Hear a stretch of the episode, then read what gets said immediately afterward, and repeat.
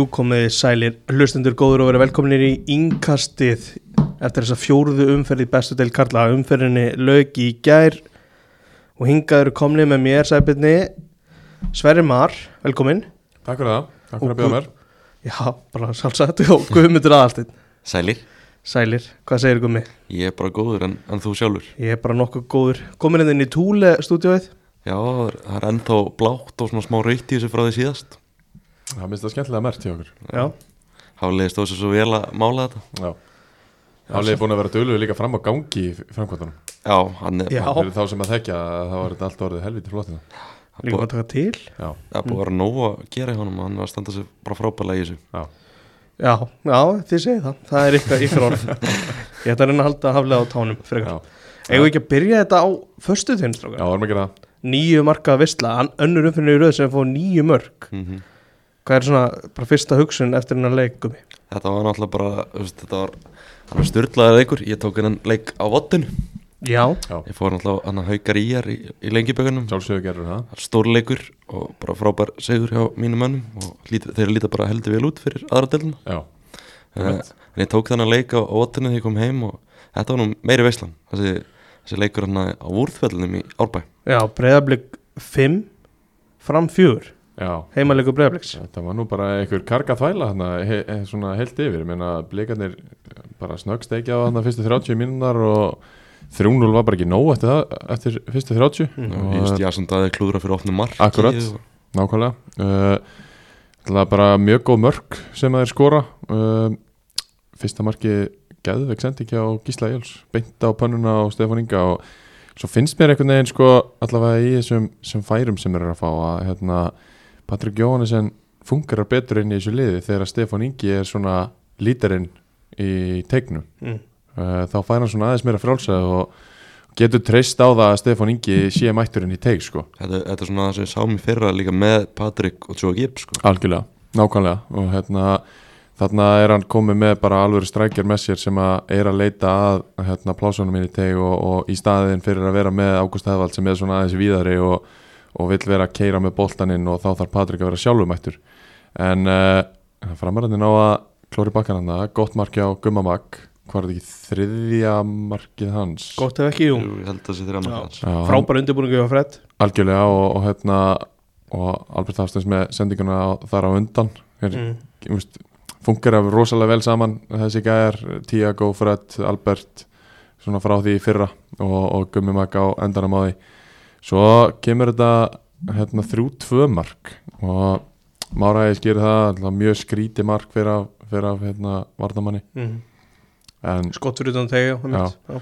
en Stefán Ingi fljótur að svara gerir það ógæðislega vel Prjóna sér hann ekki Já. Já. þetta er ekki bara best, næst besta mark leiksins og þetta er markin sem Fred skora svo Jú, Jú. ekki það geðvett Já. mark hjá Stefán Inga ógeðslega vel gert og vel klára líka en tvö mörk í kjölfarið fara fram og ég meina það hlýtur að vera gífurlegt ágefni fyrir Óskar Hrafn hvernig þetta einhvern veginn bara fellur allt allir botn úr þessu eftir fjögur tvö marki. Og jú, koma tilbaka ná þessu marki, Clement Olsen mættur uh, rosalega sérstakt einhvern veginn. Og veist, þetta er bara svona meistara, meistara dæmi að uh, þú setur bara einhvern inn á í sín fyrsta leik og hann skora á 97 sko, síðumarki þannig að já, ég, ég fannst þetta ógeðslega skrítið og ég, ég skil ekki alveg hva, hvaða vegferð blikarnir eru á í upphæðar móti sko. Mér finnst þetta rosalega ólítið Bara varandi spilamennsku heilt yfir þá? Já, og bara svona hvað eru oft opnir og, og hérna, einhvern veginn svona þeir eru sannfærandi í, í kannski svona 60% af leiknum og svo mjög ósamfærandi restina. Við sá, þú veist, sáum þetta líka með Háka sem komast í þrjú tvö og, og kasta því frá sér. Manni svona líður eins og þeir þeir, þeir komast í góða stöðu og þeir vilja ekki svona einhvern veginn bara stjórna leiknum og halda út. Já, þeir eru alltaf bara einhvern veginn að rústa liðunum bæta við og það verður þeim svona að falli. Og veist, þeir, í þessum leik þá ætlir að rústa fram bæta við fleiri mörkum og það fengur bara í baki og ressa fyrir það. Já, Óskar talaði svo um í viðtalinu eftir leika að hérna, þeir ætti að svona vera veiðmenn og uh, sækja sigurinn, sækja mörkin uh, sem er gerðu hann í lokin en, en þegar þeir eru fjögur tvö þá voru þeir ekki að sækja neitt sko. Mm. Þeir voru samt að sækja. Já, já, Þeir en, voru að stýra leiknum en þeir voru ekki að ná í neitt Nei, nei, var, eh, þeir, þurfti ekki að ná í neitt. Ég tek undir það, þeir voru mjög sko opnir með við það að vera tveimur mörgum yfir. Mhm. þá þurfti ekki nema að missa boltan og þá var komin að hætta hínum eins algjörlega Bæði mörkinu fram þannig að 4-3 og svo 4-4 koma bæði eftir svona transition vörnin er bara ekki góð í þessum tilvíkum sko. Nei. og oftar í leiknum fram, ég var á vellinum og menn stóðu upp þegar fram fóru að kera á vörnina sko, því Já. það var alltaf hætta sko. þetta er bara mikið ágefni fyrir framaldi sko. þetta er eitthvað sem þið þurfa að laga þetta er eitthvað sem maður sá ekki droslega mikið af í fyrra sko. mm. en þú veist, varandi þetta mennið sem eru kannski aftala á vellinum Alex Freyr, svo kemur Ágúst Eðvald inn og þeir sem að- er að halda sér baka, það kannski er ekki mennið sem að vera þarna þegar líður á sumrið í bakverði í þess, nei, bara í þessum stöðum sem að býða aftast. Já, það eru kannski einhverju reynslu meiri menn í akkur þessu sko. Já, það er alveg, alveg rétt sko. Eru Það- svolítið að býða ennþá eftir Davíð Ingvar sko, hann Einmitt. kom inn. já, Það er en Anton Lógi kemur inn aftur þarna Mm. það er mjög, mjög stert fyrir það því að, að geta verið með bæði hann og Oliver Sigurjóns klára það er óbáslega stert því að mér finnst Anton Lógi bara vera að stíga rosalega upp Mm. uh, þótt að hafa ekkert lítið neitt rosalega vel út í þessum leik það sem að uh, skyndisóknirnar voru að, að voru að koma mjög hratt á og þeim gekk illa að stoppa það sem að, þú veist, maður setur oft uh, ábyrðina á djúpa miðjumanni þar en hann gerði það til að mynda frábælega í vassleiknum Mhm. þar sem hann fóð svo út af mittur og mista næsta það var miklu lokaðri leikur miklu lokaðar leikur og svona einhvern veginn allt öðru sér nálgun hjá Mm. mm. breyðablík um, en í hérna frammegin þá held ég að Jón Sveinsson hafi fengið uh, svar við einni stóri spurningu í þessum leik og spurningin var geta hlínur alli og Orri Sigurjóns mætt inn í bestu deildina í- sem hafsendapar og svarið er nei Mm.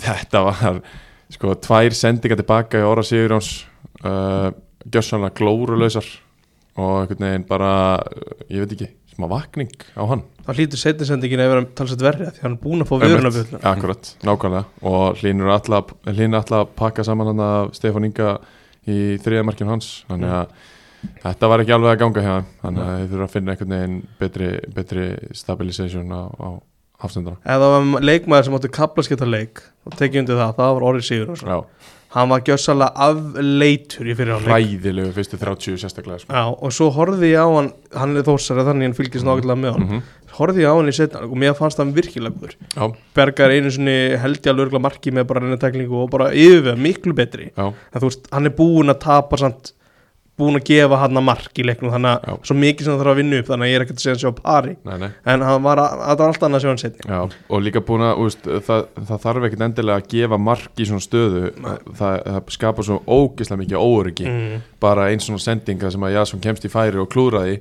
það er svo mikið óöryggi sem að smittar út frá sér sko. Nú þú törfræði snillingurinn okkar gummi ex- expected assist, það er yfir einn er það ekki, Jú, örgulega, en ég sá expected goals í gær. Það var mjög áhugavert. Það var lágt. Það var mjög lágt, Já. ég held að framhæfur í 0,8 Já, Skora fjögur mörg já.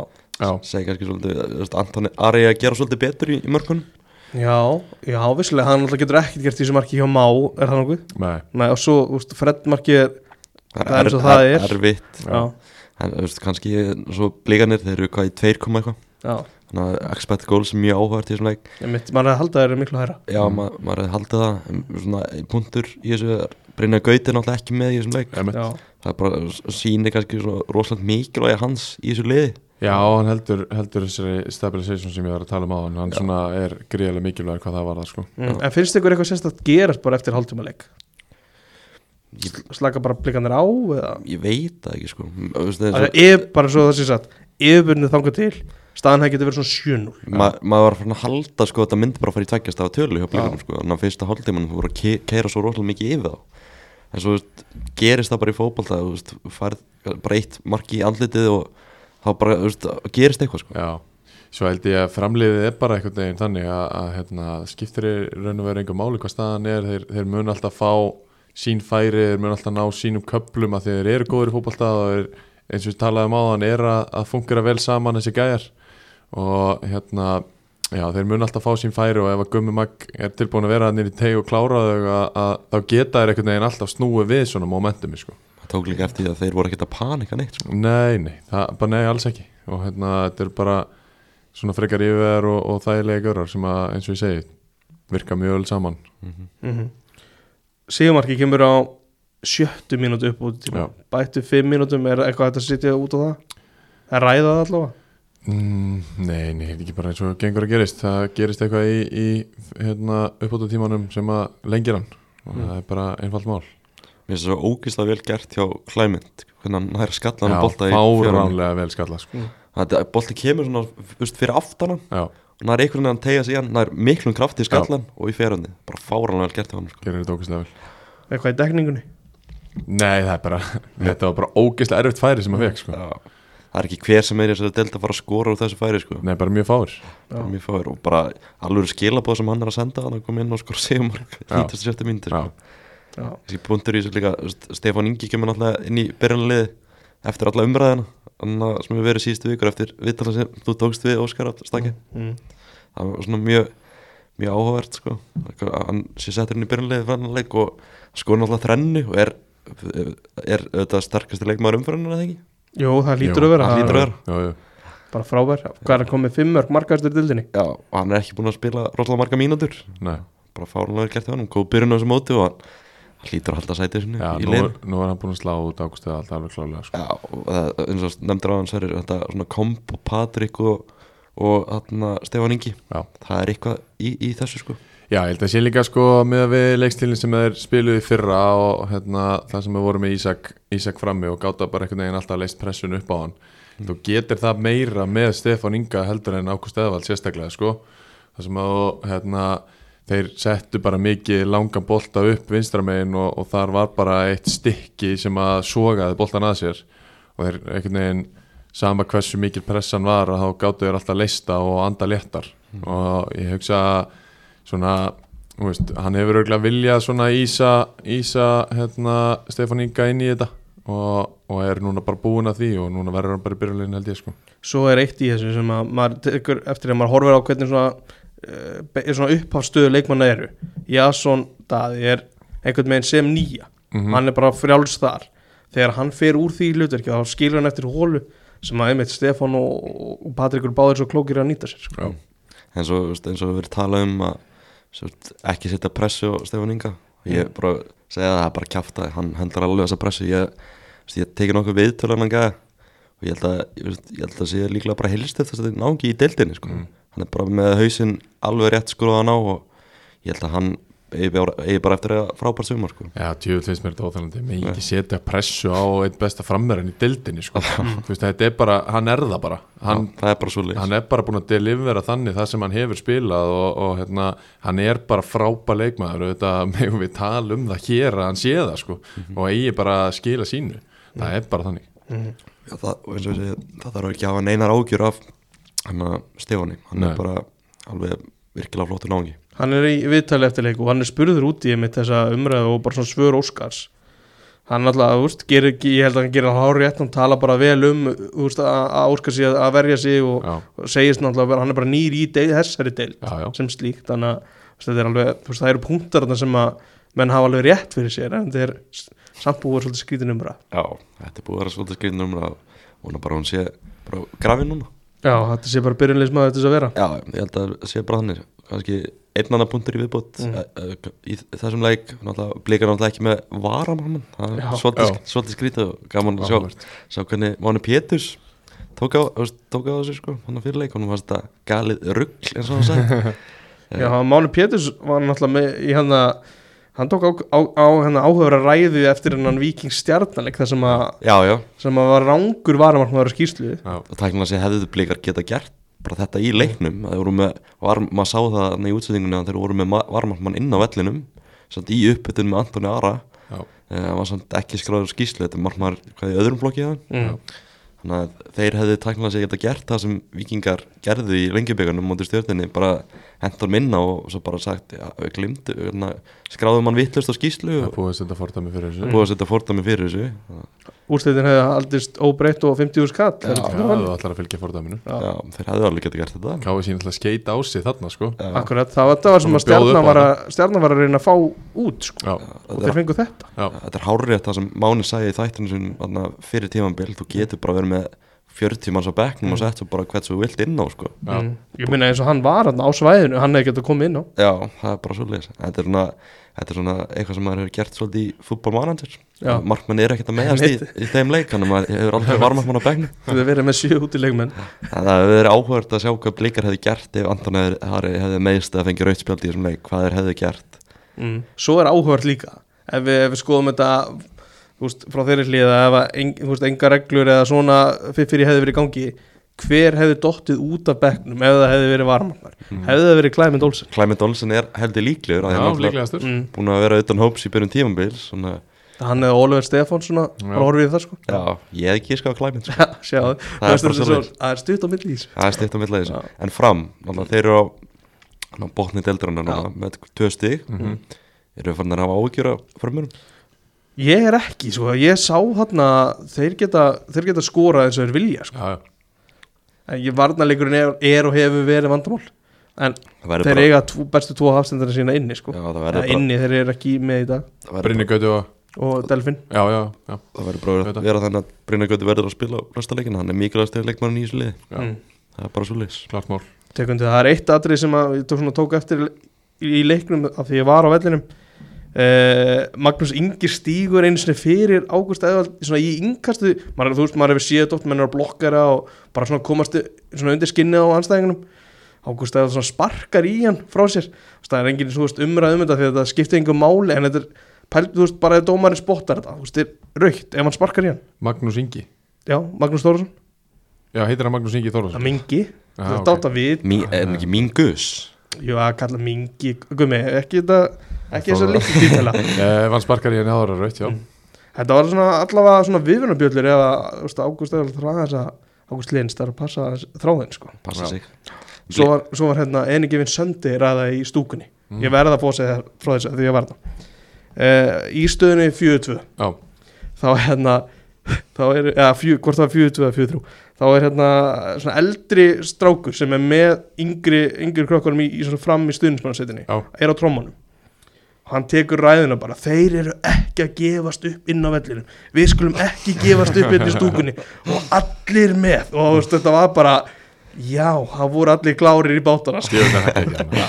Og ég fíla þetta sko. ræðan þú veist, Ræðan í Óskar var líka geggju eftirleik í viðtalinu. Mm. Við má tala um hann að verða elda bráðina Já, einmitt. Geðveik sko. Veiði maður Já. Eða maður Blikanir náttúrulega Þeir eru ekkert út úr þessu sko. Þetta er bara, þetta er bara að byrja Þetta er bara rétt að byrja. Þetta er bara rétt að byrja. Við töluðum um það allt síðasta tímabil hvað það var mikið eftir. Þannig er þetta ekki byrjað að telja nú. Nei, það var strax í fyrsta leik. Það var ekki, 1 af 27 Talaðu um það strax í fyrsta leik. Já, hörskuldir í fyrra sko. Já, já, ég er að tala um það Já, já, já. já. Nei, nei, þeir eru ekkit, það er ekkert aftur saman djókið sko. Já, þetta Þeir, er bara, Það var eftir nú kannski að halda sér við það. Þetta er bara öðru áskorunni í fyrra unnu fyrstu áttaleikin eða eitthvað í fyrra. Þeir eru búin að vinna tve, tveim, tvo af En fyrstu fjórum að þeir eru búið með þessa fjóra leiki Þeir tapa í eigum, það er leikur sigur í jafntefli í fyrra. Mhm. Og fengu að núna talsveit erfiðar aðstæður en þá. Þeir voru reyndar ekki frábæri fyrra Nei. Það voru erfiðar í ár. Heldur að við tapa á móti val. Fyrsta leik, er það ekki rétt? Um, Á heimavelli? Nei, útivelli, getur það ekki verið? Þeir töpu út Já. en það var í setni umferðinni. Já, en það er samt útileikur núna Já, val. já, Þau töpu hún núna, þú veist, ef maður horfir í þetta já, þá er þetta þetta er ekki eitthvað alveg jafnslæmt en þú veist, þetta er samt bara eitthvað, svona, eitthvað hálmstráð sem að grípi sko. já, já, 6 af 12 stigum, það er, er aðeins annað en 24 stig sko, já eftir áttalegi blikanir eru náttúrulega bara með það mikil gæði í sínum hóp Og bara það gott lið Þegar þeir eru upp á sitt besta Þeir geta alveg unnið þetta upp sko. Já. Það er bara þannig. Það er að finna sitt fara að finna sitt besta lið og spila bara því. Er það ekki, þú veist, Davíð Ingvarsson inn og svo bara mjög svipað þessu liða Já, Patrik byrja og- með Patrik aðra og Já. Stefán Ingi. Er það alltaf búin að vera að taka, breyta tvo held ég myndi leik já, Anton eða Oliver og mm, þetta eru spurningamerki sem maður þarf að fara að svara til þess að geta kert á það algjörlega. Uh, skulum, færa okkur inn í kórin Já, 1-0 sigur hjá heimunum í Háka á móti fylki. Fylkismenn höfðu eitthvað af Hákangum í fyrra. Það voru þrjústi í kórnum já og fyrsta seti í lengjutildinni þeir voru búin að vinna þá í sex leikjum í röðin í kór. Wow. Nablin kom með hennan nóla í uh, sjónsvittalinu sjöndi hérna, leikurinn inn í kórnum og loksins náði að vinna. Talaði naflinum og uh, þetta hefur verið alveg gríla fyrir þá en uh, geggjaður sigur hérna mér fannst fylgismenn eiginlega bara tölvöld betri svona út af velli og hérna voru að skapa sér alveg fullt, fullt, fullt af hálfærum akkurat. Aldrei eitthvað svona dauðafæri. Mm. það voru svona skot fyrir utan teig og slepp í gegn en samt ekki nógu mikið í gegn. Hálfur, í gegn.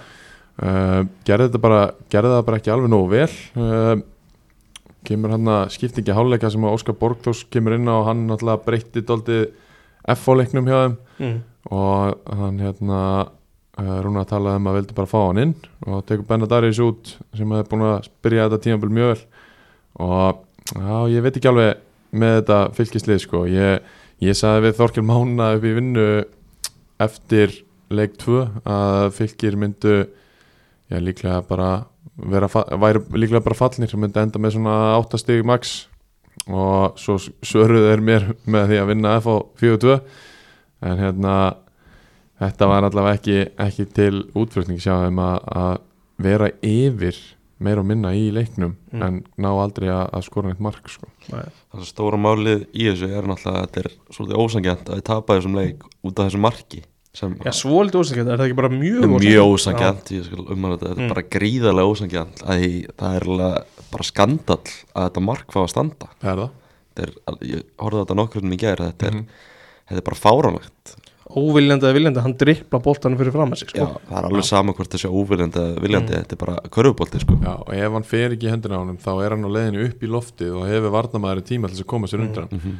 af því að hann fer í hendina á honum þá næri hann að skjóta sér í gegn og næri þessu skoti Örvar Eggert náttúrulega mættur á hárættin stað og, og skorar í fjórðarleiknum í röð ég veit ekki hvaða skeppna hann hefur orðið í vetur sko hver hefði búist við því fyrir tímabil ekki neitt maður og ekki eins og hann sjálfur alveg 100% ekki ég hérna þegar hann skoraði í, í fyrsta og öðrum leiknum uh, bæði mjög góð mörg þá spurði ég sjálf mig bara úst, hvernig á þessi gæi bara ennþá feril í efstu deild sko? Úst, að því að mér fannst hann einhvern veginn aldrei hafa verið eitthvað sérstakur jú, úst, íþróttamæður hlaupa gekkur en svo er hann bara að sína mikil gæði á köflum núna og það er virkilega vel gert hjá hann en hérna Uh, já, þetta átti klálega að vera hendi og Rúnar talaði um það að, að dómarinn hafi útskýrt fyrir honum að þetta hafi vissulega farið í hendina honum en þetta er ekki leikbrot.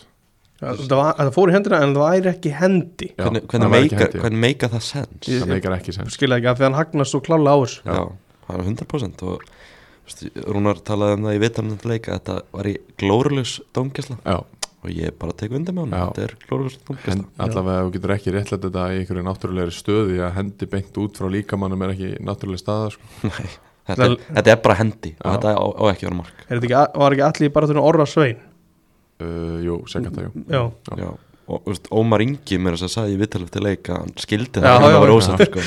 alltaf glórt í skila, Fór mögulega í hendina á fór mögulega hendan Sko ég ætla að taka smá, ég var búin að hugsa hvort ég ætti að ræða þetta að Þetta er eiginlega svona að nulla út út af þessari hendi en þú veist, orri í þessu atriði hann er náttúrulega mjög soft Já, það klári ekki að ná í en veist, það, það þýðir ekki að ræða eins af því að Nei. þetta er bara svo- bara svo mikið brot sko. Já. þetta er bara brott, Já. það er bara þannig og bara fylgjast bara, maður finnir svolítið til með þeim eftir þetta Já, já, já, samt bara búin að koma sér í þessu stöðu að vera 0-0 5 minútur eftir sko það var ekki besta falli voru að fara að taka eitt stið út úr Já.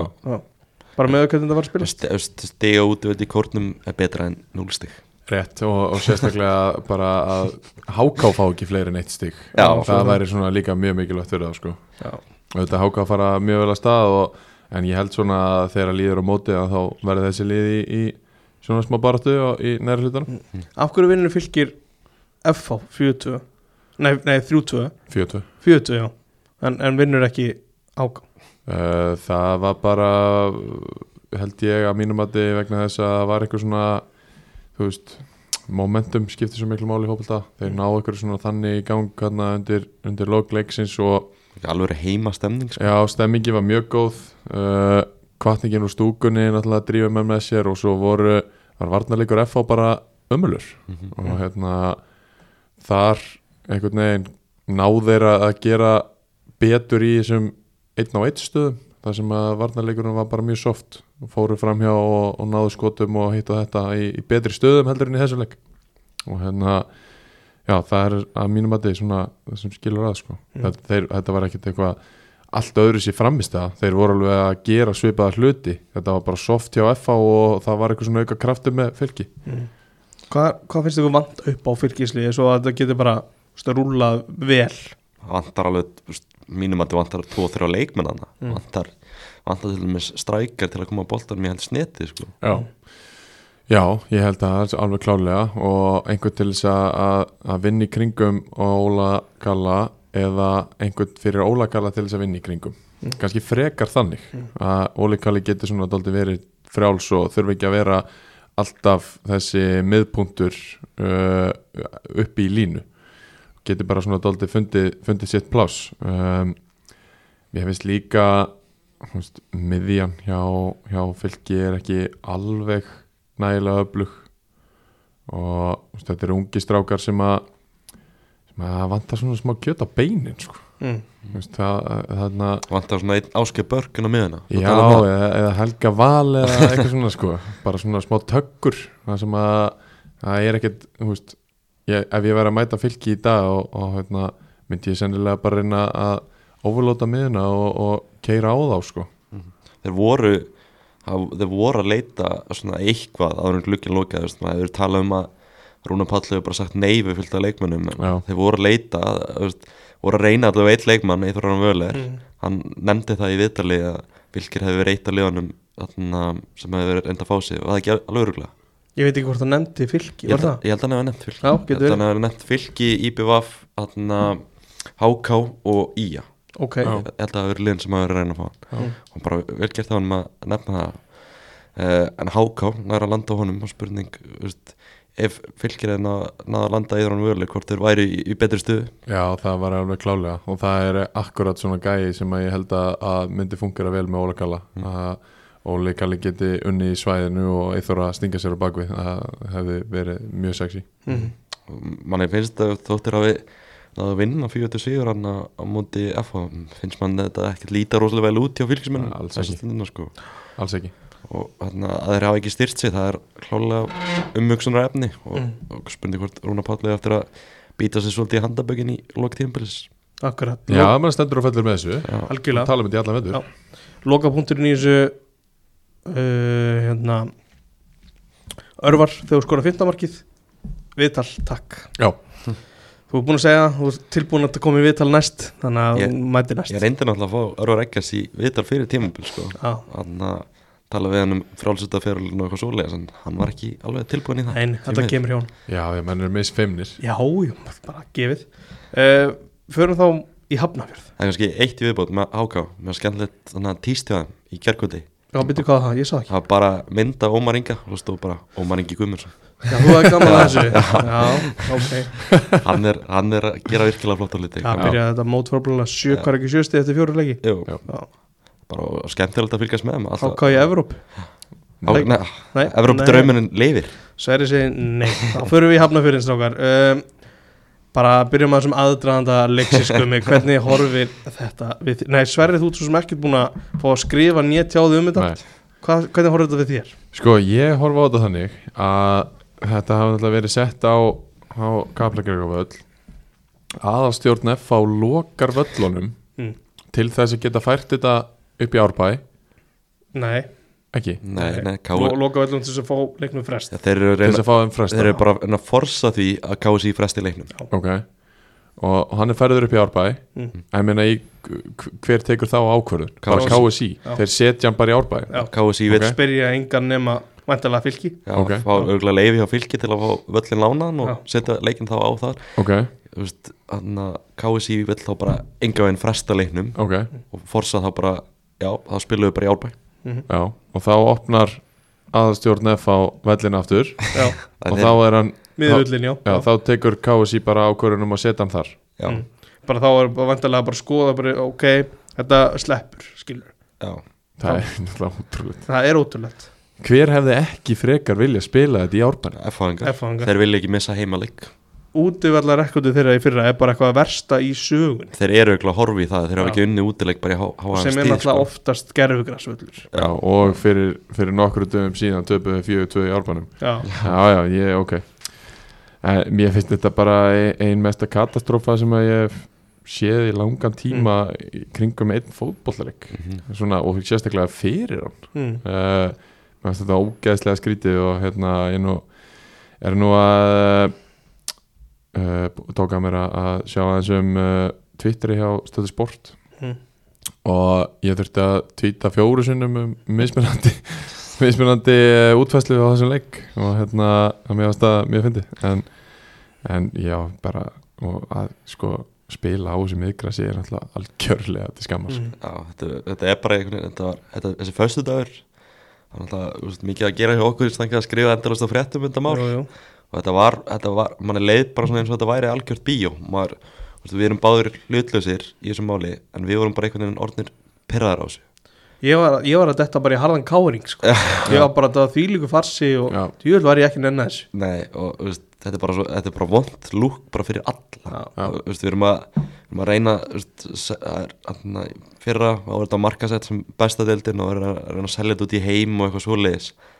Það sem við erum að spila á þessum velli er bara, bara hörmulegt Já, og bara ókvæslega vond lúk algjörlega hræðilegt. En sko, svo var KSI eh, nei, hvað var ekki íslensku topphópaldi sem var að setja þessa hann uh, flóðljósa reglu? Eh, mm. hvort var að KSI að Það var bara- ég held að Já, ég, ég sko, takið þetta tilbaka og setið frekar eitthvað reglur um völlin bara, þú veist, annarkvort spilar á svona góðu gergrassi eða þá ef þú ætlar að vera með grassvöll þá þarftu bara að fara á skiptum undirlega setja hita og kaupa dúk og gera þetta almennilega eins og, eins og Sæbjörn og félagar gerðu þau fyrir norðan já.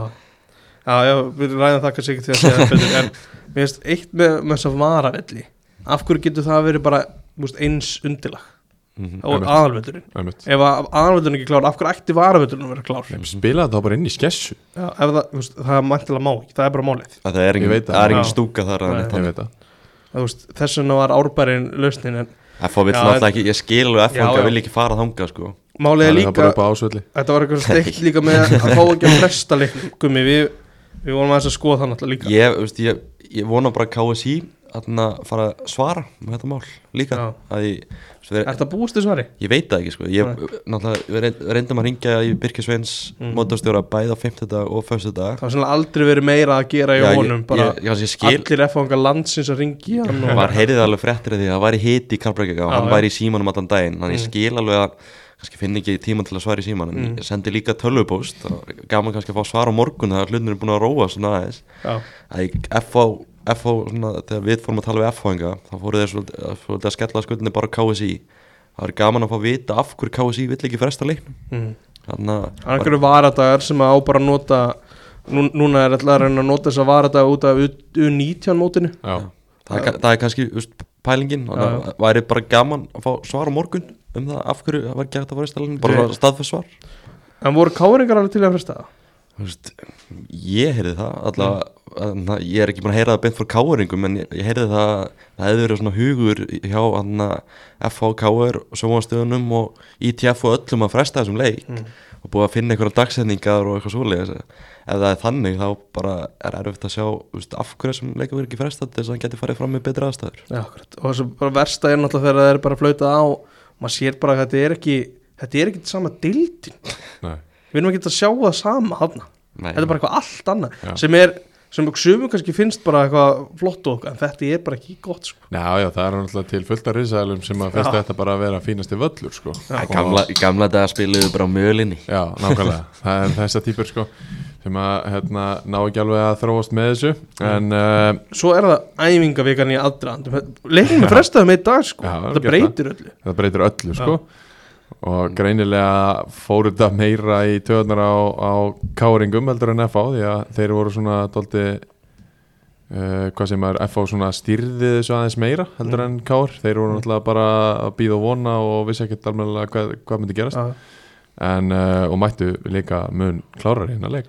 F var líka búin að fá smá reynslu á þessum velli og Emmett búin að æfa á honum kannski og er alltaf búin að spila eitt leika á honum það kannski hjálpar og, veist, ég get ekki ég get líka ímynda mér að það hef ekkert verið þægilegt fyrir káringa á leikti að bara frétta já, þetta er að fara fram á úrfellinum og svo er þetta ekki, ekki á leikti já fyrir upp, upprunalega leikti upprunlega leiktiðinum Já. að þetta veist, væri að fara fram á úrfellinum allt í einu og svo er þetta fært á miðgrasið og ja, svona óvisa kannski óþægileg sko. Vaknar á, á föstasmotni og heldur sér að fara að spila á gerðugrassi um kvöldið Mm. sem að er svo, kemur svo miðan dag að þá ertu að fara að spila á morgun á hræðilegu Þú veist,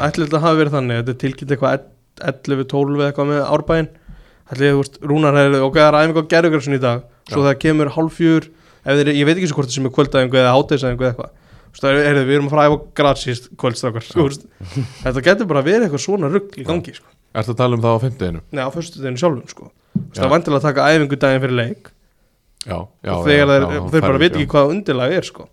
En snúm okkur nú að þessum blessa leik hvað tökum við út úr þessu, gummi uh, ég tek út úr þessu að káringarnir þurfa eiginlega bara að skipta um markmann. Það er svona fyrsta sem ég tek út úr þessu. Uh, Símon Lillivek Kjellivold gengur ræði káði fyrir tímabil kemur frá Noregi.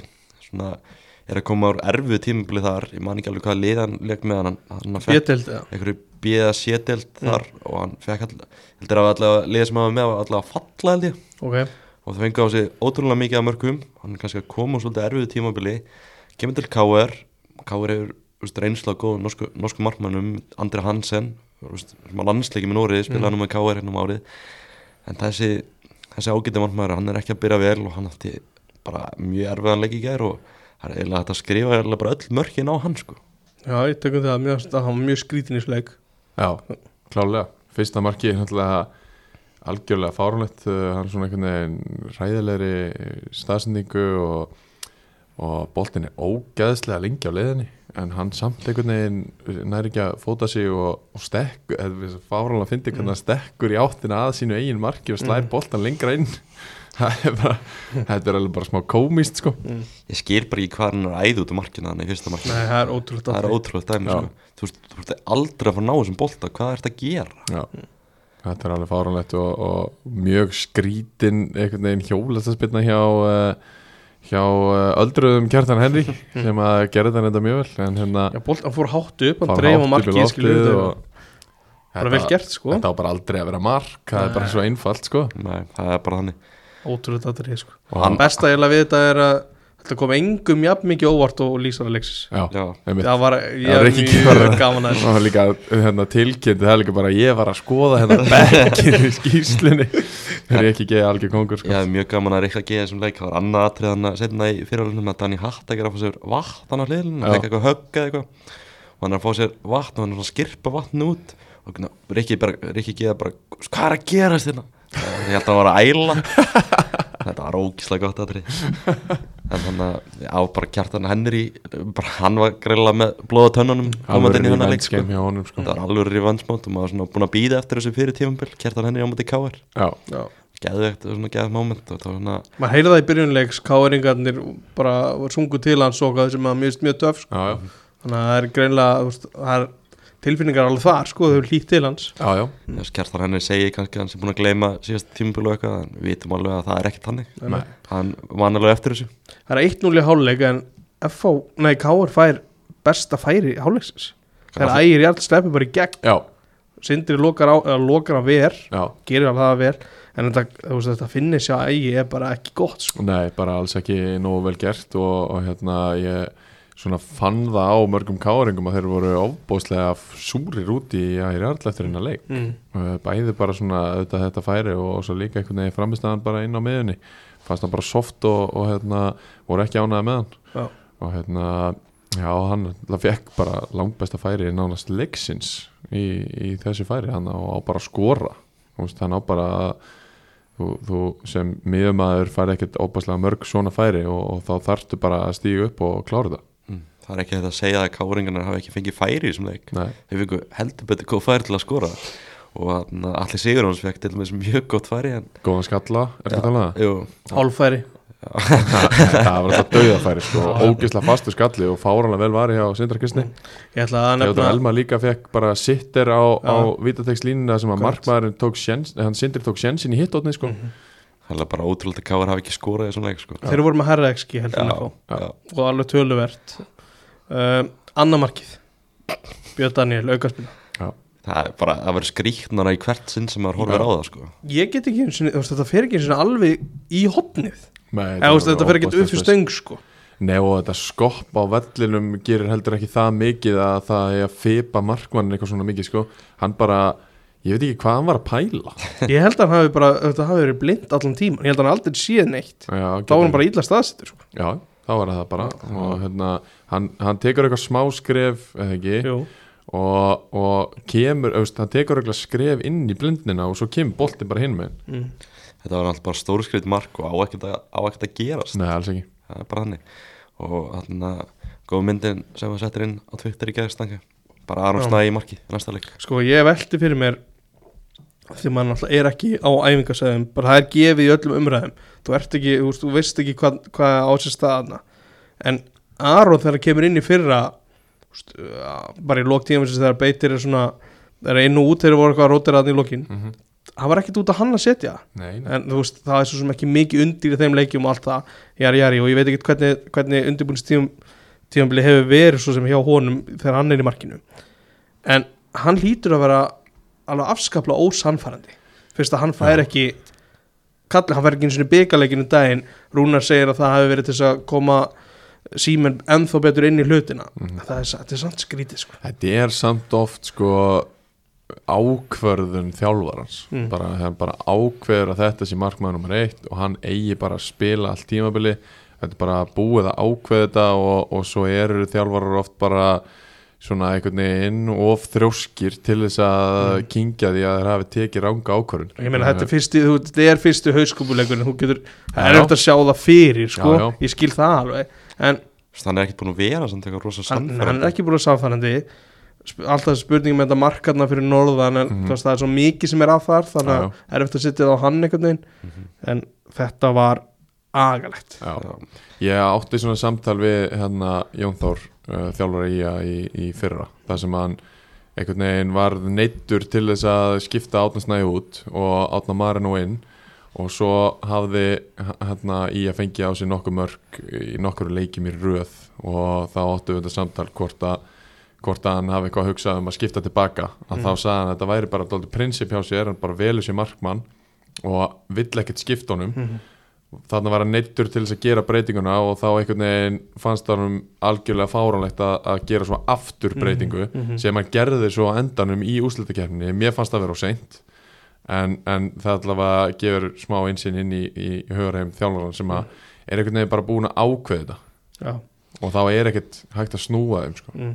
en væri þá ekki þú veist, mann hugsa það núna veist, og auðvitað að gera það núna væri ekki eðlilegra að þetta væri svona veist, þessi ákvörðin hefur verið tekin ef að við værum með aðeins stærri og þekktari prófíla þetta er gaur úr bjödeldin sem var að falla Já. Í Nóri já, já.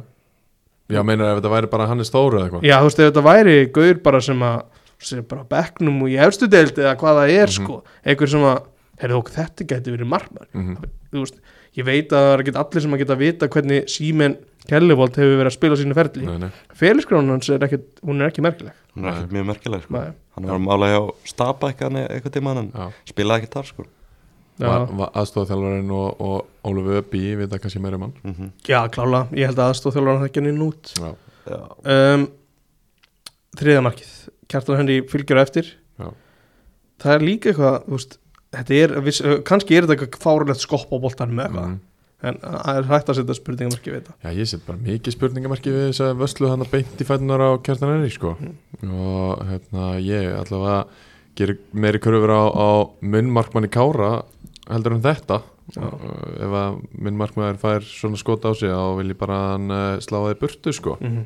og ég hef verið mjög pyrraður ef þetta hefði gesti leikja mér en þú veist, hann setur hann bara beint í fætunar á kjartan Henry annað sem að þakka fyrir sig þú, veist, þú býður kjartan Henry ekkit upp á mörg svona færi sko. Hann tekur þau. Mm. og þetta er bara þrjú, þrjú hræðileg mistök hjá, hjá markmannum að mínum að Þetta er veist, algjör hauskupur leikur hjá Kjellvöld Hvernig haldið að, að leikmenn liðsins bara svona Hvernig haldið að svona afstæða þeirra sýtur hans akkurat núna? Haldið að treyst, treysti honum áfram? Já, hún það er bara frábær spurning. Við Mm. vorum að tala um óöryggi áðan eh, með einni sendingu tilbaka hjá Orra Sigurjóns. Mhm. þegar markmaður er búin að gefa þrjú mörg þú, veist, þú getur ekki treyst í að hann haldi skotum, þú getur ekki treyst í að hann verji aukarspilnu, getur ekki treyst í að hann verji hjólastaspilnu fyrir utan teig sem er lengi á leiðin í marki þá treystir ekki neinu sko. aflengar geta verið sko mörg skoruð í kjölfari sem hefði mögulega orðið rángsta þegar leikmenn stíga upp stæði fyrir að núna stíga eru vantilega niður Já, sko. það lítur að vera þetta getur haft keðjuverkandi áhrif sko. Það brannu voru mjög áhört að sá næsta byrjunlega káður Hvort hann snæf, snær fáið tækjaverið maður pæla líka í því sko, ef hann fær ekki næsta leik hvernig mun honum líða? Að því, þú veist, hann á að vera þannig í samkeppni sko, við Kjellurvold Ég meina, hann, það var hann var orðaður í burtu en hann vildi taka Já. þannig að, þú veist mann líður svona eins og hann hljóta að fá tækjaværi sko. mm. ef eitthvað tíman, þá núna sko. Þetta verður frólægt, ég er ekki svo viss. Nei, ég held að hann fá ekki tækifæri. Já. En svo, já, ég verður annar svona leikur Ná, skoðu við leikur En er eitthvað meira í þessu, þú veist, F kom með 60, nei 70, 6 þeirra á þessum velli þeirra, frábæra velli. Kjartan Henry vill bara spila áfram hann sagði hann, Já, ég skil það Í vel. leik, hann eftir leik. Er það ekki? ég tap ekki hann Já, þetta er líka ágætis völli bara fyrir hann þessum að boltin er að detta hér og þar í tegnum og... Það er ánæður að Úlfur kom aftur inn. Já. Já, veist að það var eitthvað off hann eftir síðast leik sko. hann var ekki inni sko, Maður vill líka- í liðinu. maður vill líka einhvern veginn bara sjá þetta áfram einhvern veginn, Kjartan Henry og Úlfur Ágúst. Þetta er, geti virkað sko. Já, Þetta geti klálega virka og, og hérna, mér finnst þrátt fyrir að, að hann hef ekki skorað að lagt upp í þessum leika þá fannst mér fúk líka ógnandi mm. Jú, hann laði upp fyrsta Já, Hann var skallan. stóðsending Já, já, við skrifum það á hann, já, rétt. Hárétt uh, Hérna, þá fannst mér hann ógnandi Mm. veist, Mér finnst sérstaklega á svona velli að koma svona raunveruleg kemur raun- raunveruleg boltatækni í ljós og Mm. hann var að fara fram með mönnum bara með boltan einhvern veginn svona hálskoppandi og, og svona og þá, þá sérðu þau, ok, hann eru hann er svona þessi ekta gæði sko Já, svona gödubólta Já, akkurat. Hann stakki er Vúk ekki að vera samningslaus Jú, hann verður samlýsins í haust já. Það er, má ræða við hann núna Þannig að er spurning hvort að eitthvað lið takir sénsinn sko. Takk í sig, Já. hann er bara búin að vera, hann er búin að vera besti maður F og upp á tímbils Mm. Þannig að F og þarf bara að henda samningi á borðið bara fyrir hann núna, það er alltaf ekki að missa hann hann bara út í heim, Það lítur sko að vera bara í gangi sko. Út í heim heldur það Ég held að hann, hann, hann heldur á hann að spila svona það fyrir hann degatanum sko held ég Held að hann Já, hefur ok. alltaf, alltaf börjið það sko Ég veit ég ekki held að alveg þurfa að delivera lengur í Mm. einu Já, ég samanlega Svo er líka spurning hvað njóstnarnir eru tilbúin að vera að horfa á okkur að leikja á miðvellinum já, sko. einmitt. Þú, þú sérð samt bara þennan gæja á velli hann er bara með ægilega Já, alla já. pakkan sko já. Háfa sig og, og, og alveg sterkur svona í návíum sko. með tækni og það er mikið í hún Er eitthvað að káa eitthvað að lókum? Bara svona stegasöfnum náttúrulega í uppbæða tímabils mikið áægefni Mm. þeir verðast ekki maður sá gegn vikingum í annan síðasta leik. Þeir verðast ekki vera svona nálægt þessum svona bestu liðum. Mm. þannig að svona eins og staðan núna þá bara svona erfitt tímabil í vendum í Östamönnum annað erfitt tímabil.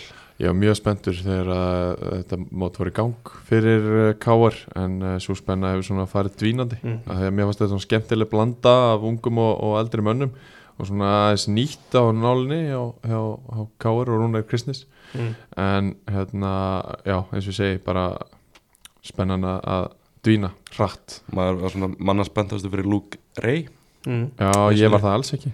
Ég var svona svolítið spenntur að sjá hann. Maður hann var búin að heyra góða hluti en hann er ekki kannski í þessum klassa. Nei, og ég held að, að já, þú veist. Það er ekki gefið að komast inn í lið þessar stöðu líka? Nei, alls ekki og ég, þú veist, þó þú skorir daldið að mörgum í fyrstu held að oft sé það að, að, að það er ekkert alveg það sama að, að spila í, í þeirri bestu. Ég hef svona áhyggjur af einu hjökkar Það er miðsvæð, þrýr á miðunni Af því að mér veist þeir eru með góða kallmenn góðan framherja vörnin er bara, verið allt í lægi Þú veist, þú bara og ég, veist, ég er hrifin á Jakobi Fransson í hafstinum En Ólaf Öppi, Jóhannes Kristi Bjarnason Og Ægir Jarl Mér finnst þetta ekki frábært Nei. og sérstaklega ekki það sem þú ert með Theodor Elmar þá út af vangi Mhm. staðin sko. mm -hmm.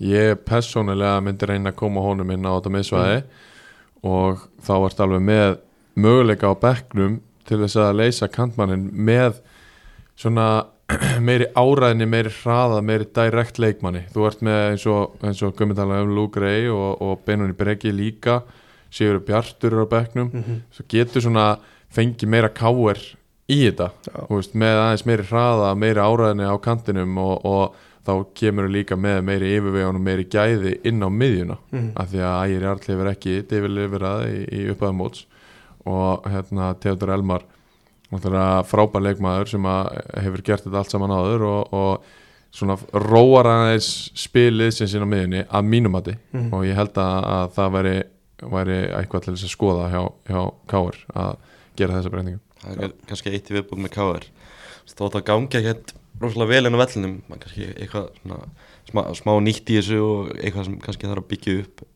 Þá eru stundismennir að mæta aftur félag völlin og láta vel í sér heyra. Mm. maður heyrði það í sjóarpinu og gaman að sjá það að miðjan sé svona aðeins að vakna til lífsins. Já. Jón Káru og félagar. Jón Mættir og félagar. útvöldin að ég er hrifin að Já, og þurfum að mæta í Vesturbæðin líka og, láta vel sér heyra það. Já. Förum þá, við ætlum að byrja Við ætlum að enda þetta á tveimur svona kannski svona st- stærri leikinu end, Já. förum fyrst til keflavíkur. Mm Mhm. IBF 3, keflavík 1 Já, Bara ekki verðskulda komi Jú, mér, mér fannst það. Þannig að keflaði kemst yfir og Mm. alltaf gaman að heyra grínið með Sami Kamel Já, heyrðu, það er, það er búið núna. Já, ég vil bara hvetja fólk til að slúta því. Já, það er- það er strax, farið bara. það er strax orðið þreytt. Mm. hvað við að tala um bara Kafa Síko og, og Sami Kamil? Já, fylltislaus. Fylltislaust. menn eru ennþá að vinna með það. Já, það er, Mm. það er ekki gott, það er búið. Hann tekið út á prísísum sko. Tekið út ég hendi ekki neitt svona brandara í lýsingunni Þú minni átt þetta inni. Já, já, þenni það er kannski bara Mitt. svona menn eins og hafliði og Gott að geta svona gripið sem eru að vinna með þetta grín ennþá. Hvað bestu menn. Okkar bestu menn. En já, hættum því bara. Eh, hann er, hann er góður leikmaður. Er Sýnir sig, hann er bara þeirra hættulegstu maður sóknarlega. Já, ger ekki raskat í þessum leik samt. Skoraði. Skoraði.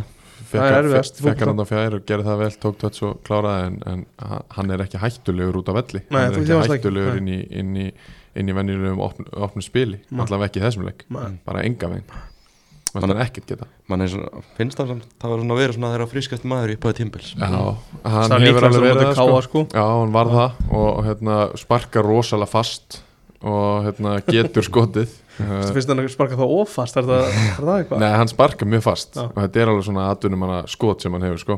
Mm. og, en bara hann næri aldrei einhvern veginn að komast almennilega í takt við keflaugulið, finnst mér Hver er hans besta staða heldur? Og hvar er, hann ekki búin að spila svolítið svona vinstra megin á miðun einhvern veginn? Jú, uh, kannski jú, veistri kanti held ég Mm. og leitar inn aðeins en, en hérna sko, allt uppspil keflaugur fer fram hjá honum og þeir vilja fara upp í Stefán Ljúbesits uh, niður í daginga og, og svo út hæramenn og þeir gerðu það nokkur sinni vel í gær en, en Sami Kamil var aldrei partur af neinu uppspili hann. Mm. og hérna, þá, þá hann sé búin að skora hvað tvö mörg núna að þá ja, bara held ég að, að keflingingar hafi vonast eftir meiru sko. Ok, já, getur verið. Góða punktur. Eigamenn svara eiga menn svara. Um, svona kannski svona svolítið öðru þessi en maður sá í fyrstu tveimurleikunum allavega það sem allavega í fyrsta leikunum það sem er verða svolítið bensínlausir einhvern veginn. Þannig að þegar líður á leikin þá gáðu við bara í núna. Og þannig að nótu orkuna vel og, og komum tilbaka. Bara það eiga lið er, er lúmstert og þeir þannig að er svona, það er, það er að kvikna á þeim. Þeir eru að pikka upp stig og það er gaman að sjá. Það. Já, þetta var svolítið Félagsörd Friðriksson með fyrirgjöfun og svo sjá hvað gerist. Já, og hann er alltaf með mjög góða fyrirgjafir Mm. og búin að sjá það núna tveimur leikjum í röð. Og hérna sko mér fannst IBF vera betri aðali en allanleikin uh, Keflavík fekk tvö góð færi og hérna uh, á, á þessum fyrstu 67 mínútum skora svo þetta mark. Og þá fannst mér einhvern veginn Vestmannegingar búinir að komast oft í fyrirgjáðstöðu, komast oft með boltan inn í teig en einhvern veginn var aldrei neitt úr því. Og, og ég sagði það í lýsingunni gæra að hérna, mér fannst svona einhvern veginn eins og þeir hafa bara svona ákveðið að já já núna skulum við bara setja í næsta gýr og núna skulum við búa til færi og skora úr þeim. Og þetta, það var bara nákvæmlega það sem gerðist. Þreim mínutum setna er þeir búin að jafna uh, boltinn af Sverri Páli og Herman Þór setur hann inn. Alltaf bara ræðileg móttaka hjá Sverri Páli sem endaði í, í stóðsendingu Frábær sending. En hann er, hann er ótrúlegur inn í tekinum. Hann er einhvern veginn hann er bara segull á boltan hann er alltaf á þeim stað sem að boltin kemur inn í tegin það er magna að fylgjast með því sko. Þrátt fyrir að hann hafi ekkert hann hefur ekki mestu gæðin í, í deildinni og hérna hann er ekki einhvern veginn þessi deadly finisher heldur er alltaf erfitt að, að verjast honum. Af því að hann er ólsegur gefist, aldrei upp einhvern veginn kraftmikill og hefur góða snerpu og, og lætur finna fyrir sér og lætur hafa fyrir sér. Og það kemur bara í ljós hérna á þessum 8 mínúna kabla að það er ógeðslega erfitt að díla við hann inn í tegnum og fær hann að boltan í sig og Herman Þór skorar og svo fjórum mínútu setna þá kemur bara boltin beint á pönnuna á honum og hann skallar hann í neti og þar er hann á háréttu stað aftur. Uh, eigamenn komnir yfir og hérna svo bara frábælega gert í, í lokamarkinu sem að Oliver Heiðarsson skorir í sínu fyrsta legg mm. Herma, Herman Þór, þetta er ástriðuleikmar Þetta er ástriðuleikmaður heldur betur og hérna var held ég í, í liði ásins hjá okkur í, í fyrra þar sem hann spilaði með Sindra. Og bara búin að vera mjög öflugur þar og ég, ég skildi það að, að Vestmanningar skildu sækjan því að hann er akkurat svona þeirra leikmaður og, og sömu liðis Oliver Heðarsson og það er ekkert grín að hérna, þegar það kemur eitt langu bolti frá IPVF og þú færð Herman Þór, Haldur Jón uh, Sverri Pál og Oliver Heiðarsson á fartinu á þig Mm. það er ekkert grína eiga við sko. og þetta er allt einhvern veginn svona gæjar með mikla áræðinni og, og hlaupa þú veist 14 km í leik og eru bara að allan tíman og það er einhvern veginn aldrei neitt svekkelsi eða neitt, það er bara niður með hausinu áfram gakk og, og bara halda áfram að hlaupa sko svo er Alex Freyraninn á miðinu og Tómas Bent vinnur allt sem kemur í kringum hann. Þeir líta bara mjög vel út sko. Mm. uh, eitt ágefni uh, Sigur Arnar virt, virtist vera uh, frekar sárþjáður þegar hann fór út af. Uh, mér síndist að frekar vera eitthvað vöðvatengt heldur en högg og held svona aftan í lærið eiginlega svona há, hátt svona nánast við rassin og það leita ekki droslega vel út hann, hann stegi ekki mikið í löppina á leiðin út af en Elvis fór inn í hafsendin og, og, og Guðjón Ernir kom í hæra bakurinn og, og það breytist ekki droslega mikið varnarleikurinn hjá þeim. ég menna eður Aron stýrir þessu hvort sem er voru þeir bara í fjármannavörð Já, þeir breyttu í fjármannavörð, Ok. þeir tóku Jóna Inga út úr liðinu Mm. og settu Oliver á vinstri kant, Mm. Felix nýri vinstri bak og það, það virkaði mjög vel hjá þeim sko, Mm. mér fannst þeir miklu betur en Keflavík í þessum leik. Mm. og nálgunin hjá Keflavík fannst mér rosalega skrítin. Af því að þú veist að IBF kemur á því í háapressu og þú veist að hérna að uh, vörnin þeirra er ekkert að fara að stíga neitt ofbóðslega hátt upp. Þú veist, þú, þeir koma með þrjá fjóra í háa pressu og svo er bara rosalega mikið plássin á miðunni Keflavík hafði bara engan áhuga á að leysa þessa pressu þeir sett hann bara langt upp og fyrstu 25-30 mínúnar þá hérna, voru þessi sendingar frá Mattias Rosenörd bara veist, 75 metrar og fóru bara yfir alla Mm. og veist, fóru ekki einu svona varnamenninni þurfti ekki einu svona að hafa fyrir því að skalla það tilbaka þeir gáttu bara að láta hann skoppa því að það var smá meðundur en það gerðist bara ekki neitt og mér finnst þetta ótrúlega förðulegt því að Keflavík er alveg með leikmenn til þess að spila boltanum út og leysa pressuna. Og þeir gerða það aldrei. Uh, þeir, þeir eru held ég sakna Frans Elvasonar mjög mikið því að mér finnst Erni Bjarnason ekki nógu góður til að spila bestu öldinni og ég held að hann hafi að mörguleiti verið svona ástæða þess að þeir bara leta aldrei á það að reyna að spila út því að ég meina, ef um leiðu út komið sindra snæi í þessa stöðu að, Mm. að fá sendingun að snúa og setja hann út til hlýðar eða, eða upp línuna hérna, þá, þá ertu miklu betri stöðu en, en Ernir veist, í þessi tvö skipti sem þeir reyndu að þá átti hann feilsendingu sko. Já, staðan sem IBF og svona, þann gluggata sem þeir áttu Já, ég held að við erum að velja einhverja sigurvera gluggadagsins eh, þú veist, um að taka bestöldina bara þá held að IBF sem svona einhvern veginn ótvíraður sigurveri gluggadagsins sko. Held held að Óliver Heiðarsson sé bara góðu möguleiki í að vera bara kaup tímabilsins að þú finnur auðvitað ekki leikmann sem er ekki IBF, sem var ekki IBF sem bara hendar þessu IBF liði betur sko. algjörlega þessi, þessi gæi hefur svo margt og hann bara, maður svona hugsar að hann bara sé bara fullkomni leikmann í hennan Henmar Heiðarsson bolta sko hvað hefur hann?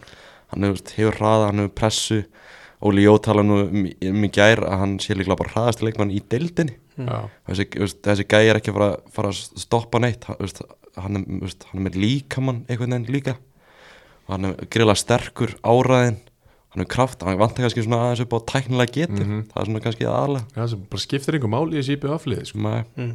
það þarf ekki að neina tæknilega geti í þessu það IBF er -liði, enginn að byggja um það sko. Er Þetta bara- snýst ekkert um það, Nei. alveg rétt þetta er svo, þetta er svo góðu Þarf það geta snúið kannski svona þess Já, þú veist, þú veist bara liðar geta lagt hann og, og hlaupið að staða sko. mm. þetta er svo góða punkti við að sverja þú ert með, veist, þú ert með Óliver, þú ert með Sverri Pál þú ert með, þarna, með Haldur Jón Já. og svo, ertu, svo kemur Arna, Arna Brekin í þetta Já, einmitt, það vantar hann líka sko. hvernig, veist, hvernig líður þessum varnamann að fá þess að gæða á þig í pressuna Já, ég persónulega myndi sennilega feika meðsli mjög snemma sko. það er alltaf að þú þrjumar hann bara langt fram Já. tilbaka sko. þetta, þetta IBF-liði getur svo auðvörlega bara verið besta persóli deildarinnar Já. Þeir, ég, síndu það náttúrulega á undirbúrstíma Já, og, og síðasta tímbili líka undir, Já, já. og setna lítið á síðasta tímbili og mann myndi líða ógeðslega illa að fá þess að gæða á sig sko. það er bara hann fljótt búið að breytast úr því að Filip Valensis í byrjulegsmaður í að vera ég er bara að koma seint inn á ef hann kemur inn á yfir höfuð Já, hann var reyndar uh, fyrir utan meðslinn hjá Sýrarnar var fyrsti maðurinn Mm. en jú, maður sér alveg að það eru gæði í honum og, og það er gott að hafa hann til taks til þess að akkurat í svona stöðu þegar þarf kannski aðeins að róa að hérna, ef hitlið ætlar að fara að sækja mikið og rætta að þetta verði þá ekki bara eitthvað bortennisleikur sem að reyndar hendar í bjöfapálu okkurlega mm.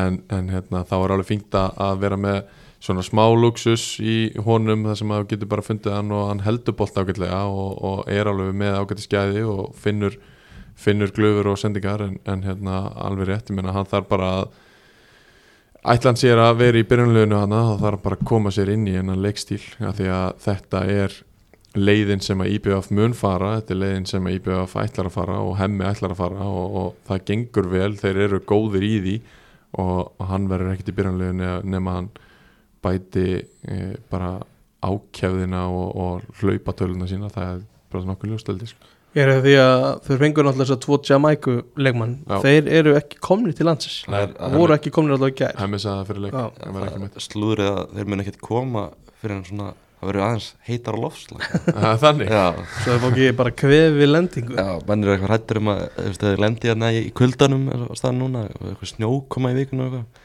það er bara, vilja bara heim strax sko. Já, ok. Já, heimi, getur ekki heimi sagt bara við það og að, að hann velji það ekkert nema að þeir drífi sig bara. Já, þetta er ekki hvað hann getur sagt getur stýrir- það. ætli hann stýrir sig ekki bara. Já, þannig að The Reggae Boys þeir eru ekkert vantarlega til landsins alveg strax. Ok. Ok, þannig að það er, það er allavega slúður. Já, já, þannig að IBF eins og ég sagði bara Ólefur Heiðarsson getur verið kaup tímabilsins já, já ég held að það sé fín sumering á þessu ef þú fara í vikina var í vikina, að stuð þar. Það er svona stærsti leikurinn einhvern veginn fyrirfram er ekki sammála því? Jú, jú, bara með að við svona stöðu liðana á síðust tíðanbili og byrjum mótur sko.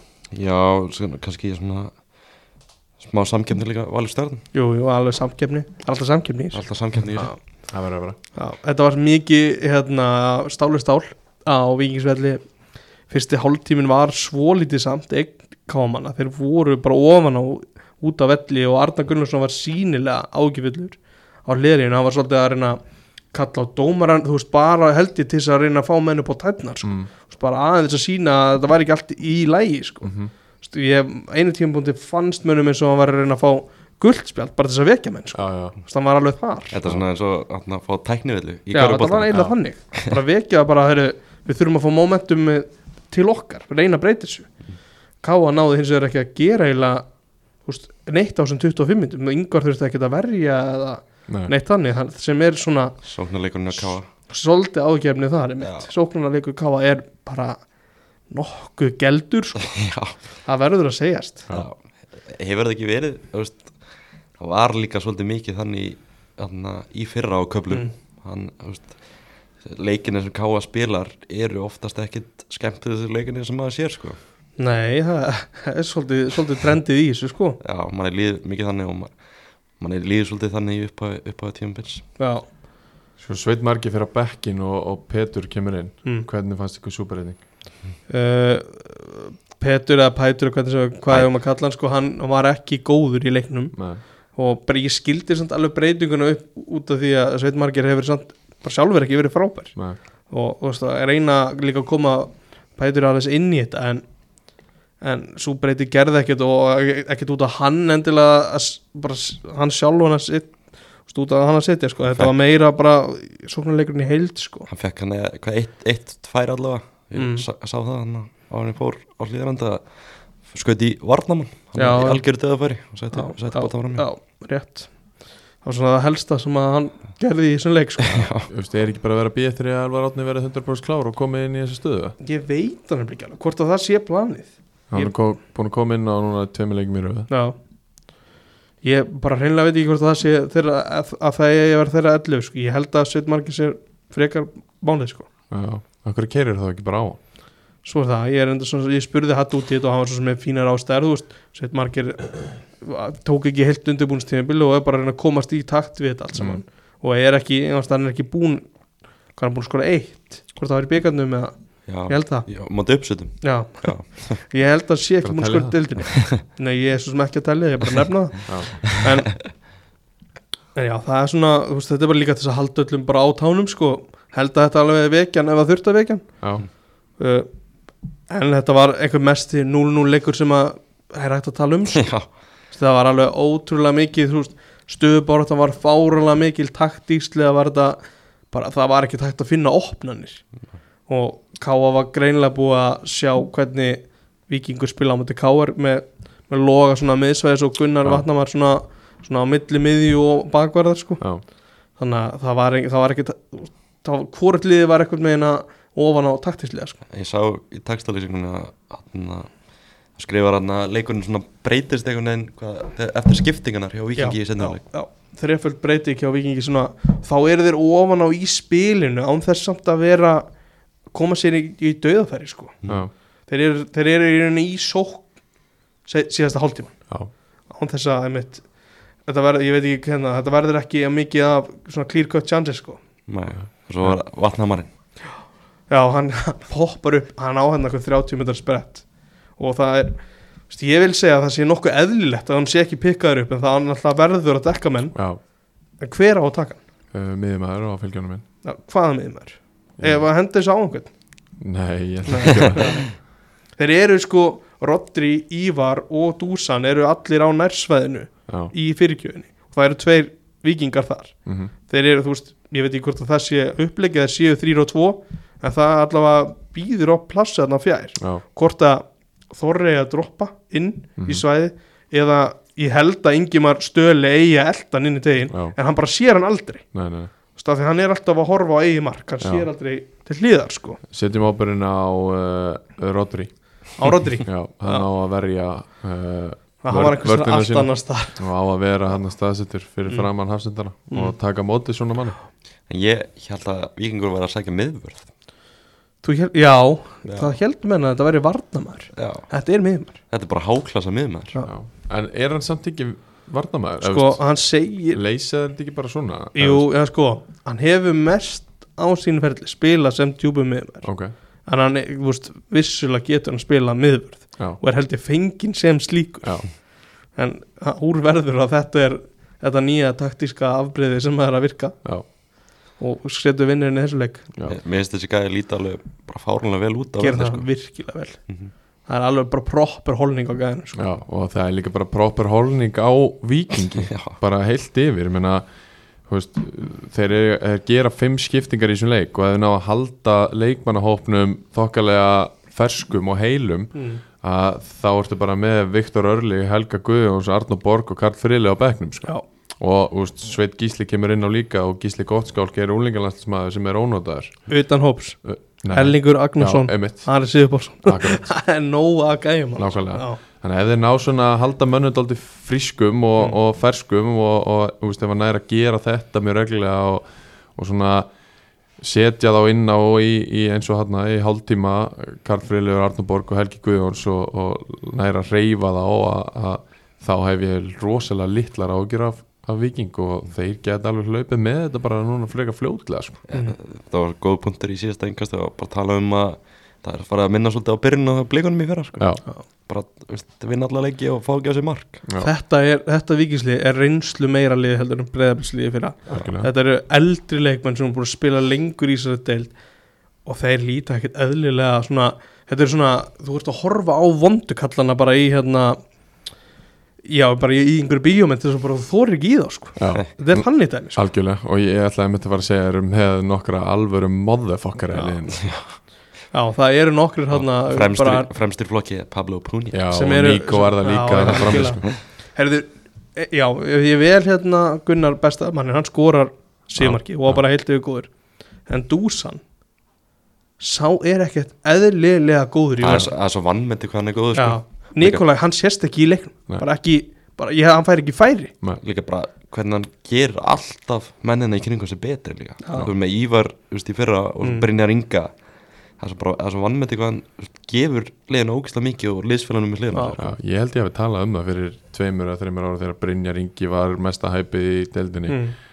að Dúsan, mér finnst Dúsan vera betri Mhm. og, og að mínum að þetta er ástæða þess að Brynjar Ingi er í atvinnum í dag og átti þessa landsleiki fyrir einu eða tveimur ára mann ekki hvort það var að það er Dúsan Borkovits sko. Já, alltaf þessi ekki blanda á honum og, og Rodri fyrir fram Já, Já. því ég meina í rauninni hvað er Brynjar Ingi búin að gera síðan hann skildi við Dúsan ekki, Mhm. ekki neitt. Hann er búin að fara á milli liða og, og spila sem minnst. Mm. hann átti, átti tvo og þrjá góða landsleiki Já, tók vel á, á Lewandowski og ég gef hann kredit fyrir það Mm. en þessi atvinnumannaferill hefur ekki verið upp á marga fiska. Þetta er ekki alveg tekist en Nei. vonandi er eitthvað að batna hjá nýju lið Hamkam. Já, Já. Já, maður er, svona, maður er ennþá svona smá trú á hann já, ég klála. En þú veist, já, Dúsan geggjaður og mm. það er ekki, er ekki, ekki skrítið að Arna Greta svona reynda að fá hann yfir í var. Tímabil, sko. það er ekkert margir betri hafstendar en hann í þessari delt Og Ég held hann er einhvern veginn alltaf uh, glemst í umræðin Það er Dúsan og Ívar, þeir eru klála bara að gera tilkalli að vera besta hafsendabæri Já, já, en vitið þið hvað vikingarnir segja núna? Hvað segir þið núna? þeir eru Ara Sigurbásson inni. Já, þeir eru er svoleiðis. Mm. Þe, Það er ágætt, hvernig ætlar það að taka út úr liðinu? ég veit það ekki sko. Ekki neitt.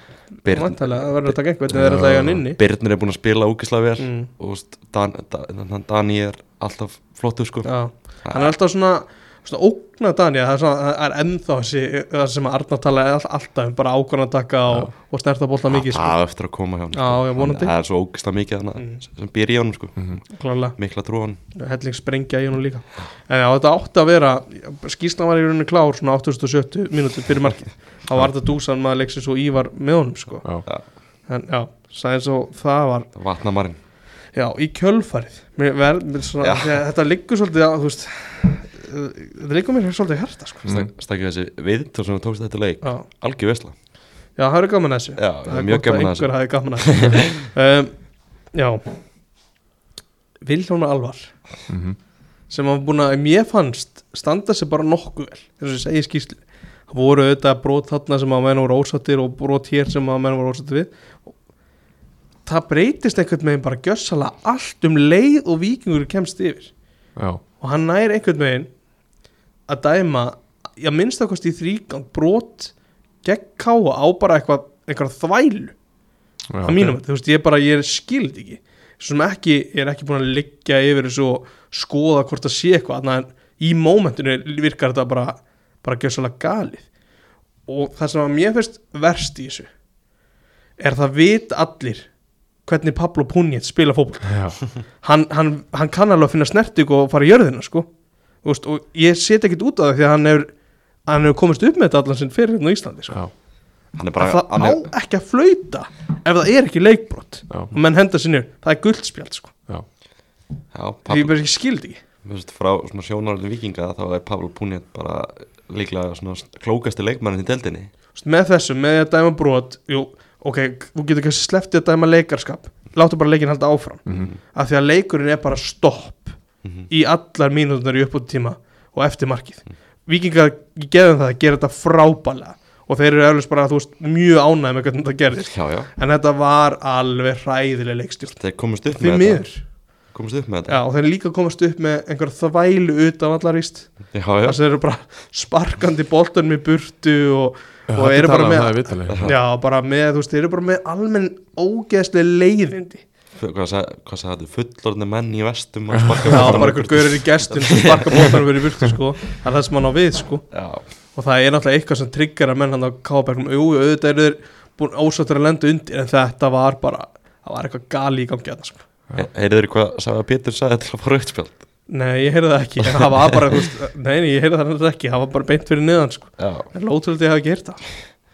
var, já, ég, ég var ekki ánægð með Villa Alvar þarna í, í restina. Nei, ég sé að þú gefur hann líka 3,5 í Já. einhver Þetta var svona framist að upp á sjö, jafnvel átta eftir að hann gefur hagnaðin í markinu. Já, ég, ég nenn ekki svona bulli. Nei, Það var á að sjá í gegnum þetta. Já, Sveit Gísli, hann hérna hann hendir sér niður.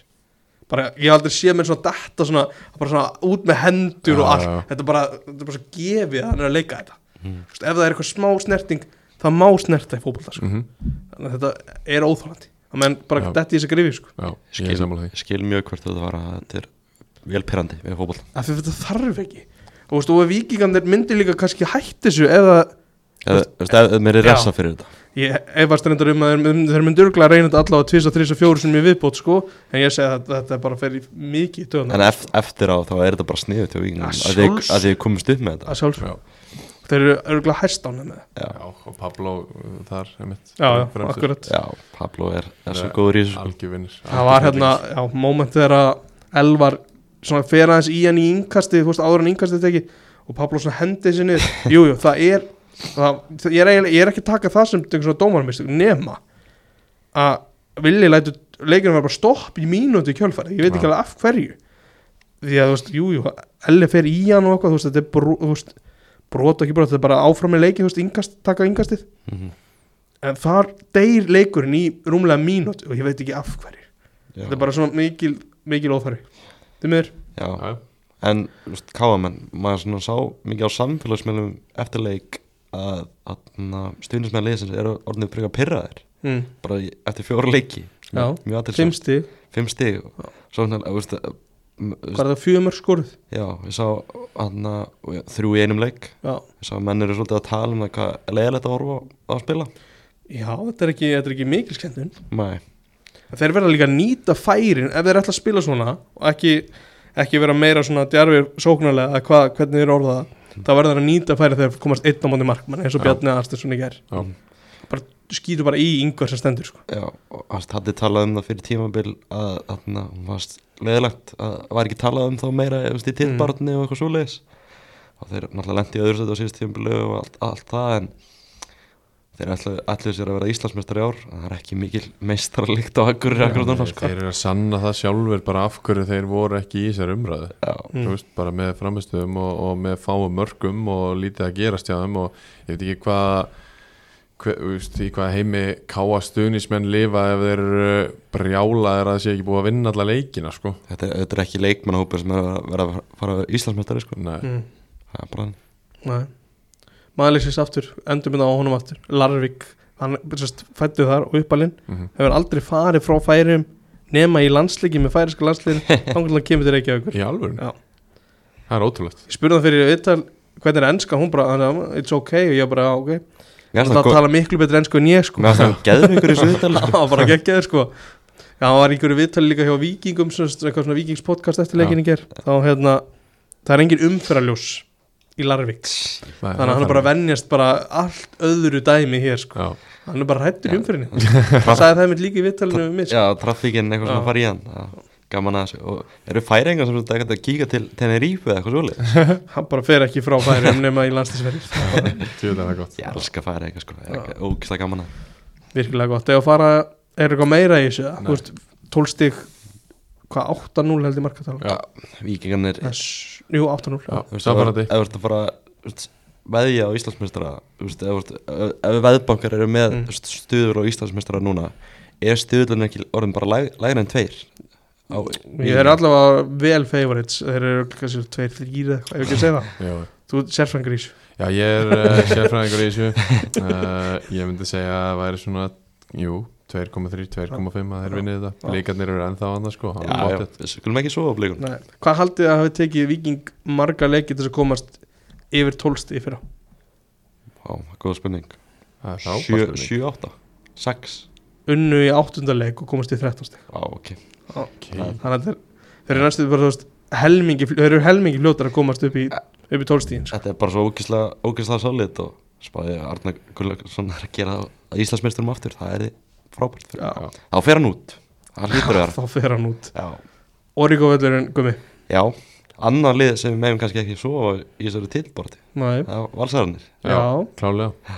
Þeir eru, þeir eru bara að lúka mínum að þið bara nokkuð vel í uppæða tímabils og gaman að skella sér á hlýðaranda mér finnst að það var góðu leiktími. 19.15 Frábær. 19.15 á lögataskvöldi bara gerist ekki betra sko. Mm. og vel mætt að Ég fíla þetta nefnilega. Við, og, og það kalli einhvern veginn allir eftir þessu nema KSI Já. uh, það vilja allir hafa þennan leiktíma. Þetta er náttúrulega líka frábært fyrir leikmenn sem geta Mm. þá bara lift sér upp og skellt sér í skellt sér í bæinn og gert eitthvað skemmtlegt og, og lögadegi og, og hérna, ég held að séu allir sammála um að þetta sé frábær leiktími nema KSI Mm. og ég skil ekki af hverju þetta er ekki gert meira og svona heitt laugardagur af uh, íslensku fótbolta er algjörlega frábært. Já, meira af þessu. Meira af þessu og fækkum þessum sundags mándags leikjum að því að við sáum það í gær að það breytir engu máli hvenar uh, leikinnir eru, það er bara mætt eins og það er mætt. Já. og Var það, mæti ekki góð í hafnafyrða? Það bara því að varum mættir- með sjónvarpi sko, það meðast Já, það alveg góð ok. mæting sko já, bara þokkalegt, ég minna að fólk veit að það er engin stúka Mm. fólk satt þarna á grindverkum og já, eitthvað. já, ok. sama og í Keflavík ég meina það var kljóðan tvö á lögati og, og, og veist, það er náttúrulega bara pínlítið stúka og ég held að fólk veist, ef þetta væri á aðalvellinum þeirra Mm. þá væri miklu betur mætta því að það er alvöru stúka og fólk nennir meira að gera sér ferðanga á völlin uh, það veit allir að þetta er í sjónvarpinu þessi er líst og það er auðvelt að taka þetta þar en hérna mér fannst bara mætingin hérna í bænum vera mjög góð Mm. og bæði á valsvelli og, og. Þannig að- og geggjum mæting og líðan menn voru bara miklu stuði í stúkunum menn voru bara að fá sér og það nákvæmlega. var alveg læti sko. Já, ég fíla þetta, þessa pælingu einmitt, þetta átt að vera 6 og 8 á föstudagskvöldi Mhm. og svo 5 og 7 15 á, bara ég fíla frábært. þetta gegg, þetta er dæmi sko. þetta er frábært sko. Og meira, bara skilabóti kási, bara meira af þessu. Var eitthvað í byrjunlegun sem komið úr óvart komi? uh, nei, náttúrulega bara Arna Gretarsson held sér við sama byrjunleik kannski svolítið óvænt að, tryggur átt kom ekki inn í, inn í byrjunleik eftir að skora tvö í síðasta leik. Það var svo- svolítið óvænt. Uh, stjörnumegin einbreyting þar, Gummi Kristjáns í banni og Hilmar Otni kemur inn. Mm. kannski ekkit óvænt þar, Tjói Gibbs náttúrulega bara utan hóps ennþá, tauga meðsli Jú, eitthvað í baki. Já, vonandi bara hann komi aftur sem, sem fyrst. Manni fannst þetta svona framan af í leiki gera, þeir sakna hans svolítið, bara svona það present sem hann býr Ok, yfir ok. fremst á vellinu sko. Já. Gumma þá, Nei, Joe Gibbs. Joe Gibbs, já, veist, hann hefur ekkert verið hann var ekkert sérstakur í þeim leikir sem hann spilaði upp að tímabils en bara svona líður þegar hann kemst betur inn í hlutina þá verða hann sterkari. Og þeir, þeir sakna náttúrulega mest á öllum Emis Allarssonar hann var náttúrulega alveg frábæra síðust tímbili það voru svona prófa áhugaverða hluti, ég bjóst ekki alveg við því hvað, hvað það voru að gera. Hann þannig að gær fer stjarnan í það baldurlógi er fremstur. Er eitthvað svona fölsk nýja eitthvað neginn ekkert Aron er hægri bakverður Mm svo hvað, Guðmundur, Guðmundur Baldvin hann úti hægra Já. svona á, áhugaverða pælingar. Já, þetta er aðteklisvert já, þetta gekk náttúrulega ekkert Mm. rosalega vel upp. Þau voru að halda bolt ágætlega en voru ekkert að skapa sér eitthvað mörg færi. Og stjarnan, neða Valur var bara með mjög mikið kontról á leiknum. Uh, þannig séð í, í fyrirálunum komast þarna í 2-0 Já. bara mjög vel gert. Fyrsta markið ógeðslega vel gert. Aron, Jónsson með frábæran bolta fyrir og já, og á skoppinu sko, það er ekkert hver sem er sem getur gert þetta sko. Nei, þetta er bara sýnir. Hann er, hann er hæfileikaríkastu fótballtamaðurinn í þessari deild sko. manni líða þannig. Og frábær sending og Andrúnar nær að skorast fyrsta mark í opnum leik fyrir val með góðum skalla. Uh, sett kannski smá spurningmarki að Árnarsnæði ná ekki að verja þetta? Já, ég gerði það nú aldrei það, er- það er svo leiðis en Ég skal bara gera það. já, þú gerir það stengið, takk. Mm. uh, og svo annað marki, Adam Æði Pálsson með Vá. alvöru finni sko. Já, hann er komið með hvað, tvö mörg og tvær stóðsendingur í fyrstu fjórunleikinu já hann, tók þessu höggi í vikunni ágætlega. Já, og hann var sagt upp sem umbúsmanni Pretty Boy Job hann þarna bara kallar hann, veist, tekur hann bara tekur þetta í sína hendur, sko. já, græðir alvöru högg fyrir hann já, Já, já, það var sko eins, eins uh, klaufalegt og þetta var hjá Örvar Loga þá var þetta ekkert eðlilega vel gert hjá Adam Ægi sko, hvernig hann einhvern veginn tekur að með sér í fyrsta touchinu svona óvænt boltin kemur og svo hamrar hann bara. Þetta var, Djöfull var þetta þetta var alvöru feini sko. Já. Þetta maður svona, hann var flottur í, í svona líflegur. Aðeins svona dróða honum í setni en það kemur fyrir uh, en valsmenn fó- fóru inn í hálfleikin tvunum lifir bara sangjant uh, segja stjarnan var svona halda ágætlega í bolta en þeir voru einhvern veginn, manni leið svona eins og þeir voru bara hálf orkulitlir, þeir voru ekki að pressa valsar Mm. alveg og mættu bara ekki alveg til leiks einhvern veginn. Og Valur leiti bara sangjant 2-0 svo fannst manni í, í setnáleik Valur var einhvern veginn með full kontról á þessu. Manni Já. leið bara eins og þeir væri að fara að vinna 2-0 svo bara einhvern veginn kemur hann að þreiföld skipting og mér fyndi áður en skiptingin kemur að stjórnumenn í stúkunni voru búin að kalla eftir Sigurbergi Áka inn á völlin Já, voru búin að öskra hann í nokkra mínútur hann að, að vilja fá begga inn á. Já, og svo ke- og svona ógislega fyndi moment þegar hann hleypur á þegar hann kom inn á þá trillast þeirra fögnuði sko. Að hann er grei, greinilega mjög stundum Fan favorite. Kom, kom hann að þrýr ungir strákar inn á og hann að Sigurberg Áki, Róbert Frosti og hann Kjartan. Kjartan Már Kjartan, Kjartan kom hann inn á það svona breytir hans leiknum. Mhm, stjórnumenn fá þarna stúkunum með sér bara trillist og, og þá svona, breytist breytist leikurinn einhvern veginn, stjarnan bara tekur yfir skora þarna tvisar Ísak hann Andri Já. þvílíkur leikmaður. Já, mínum að þið líklega í augnablikinu besti leikmaður í deildinni sko. mm. Mér, líður alltaf þannig.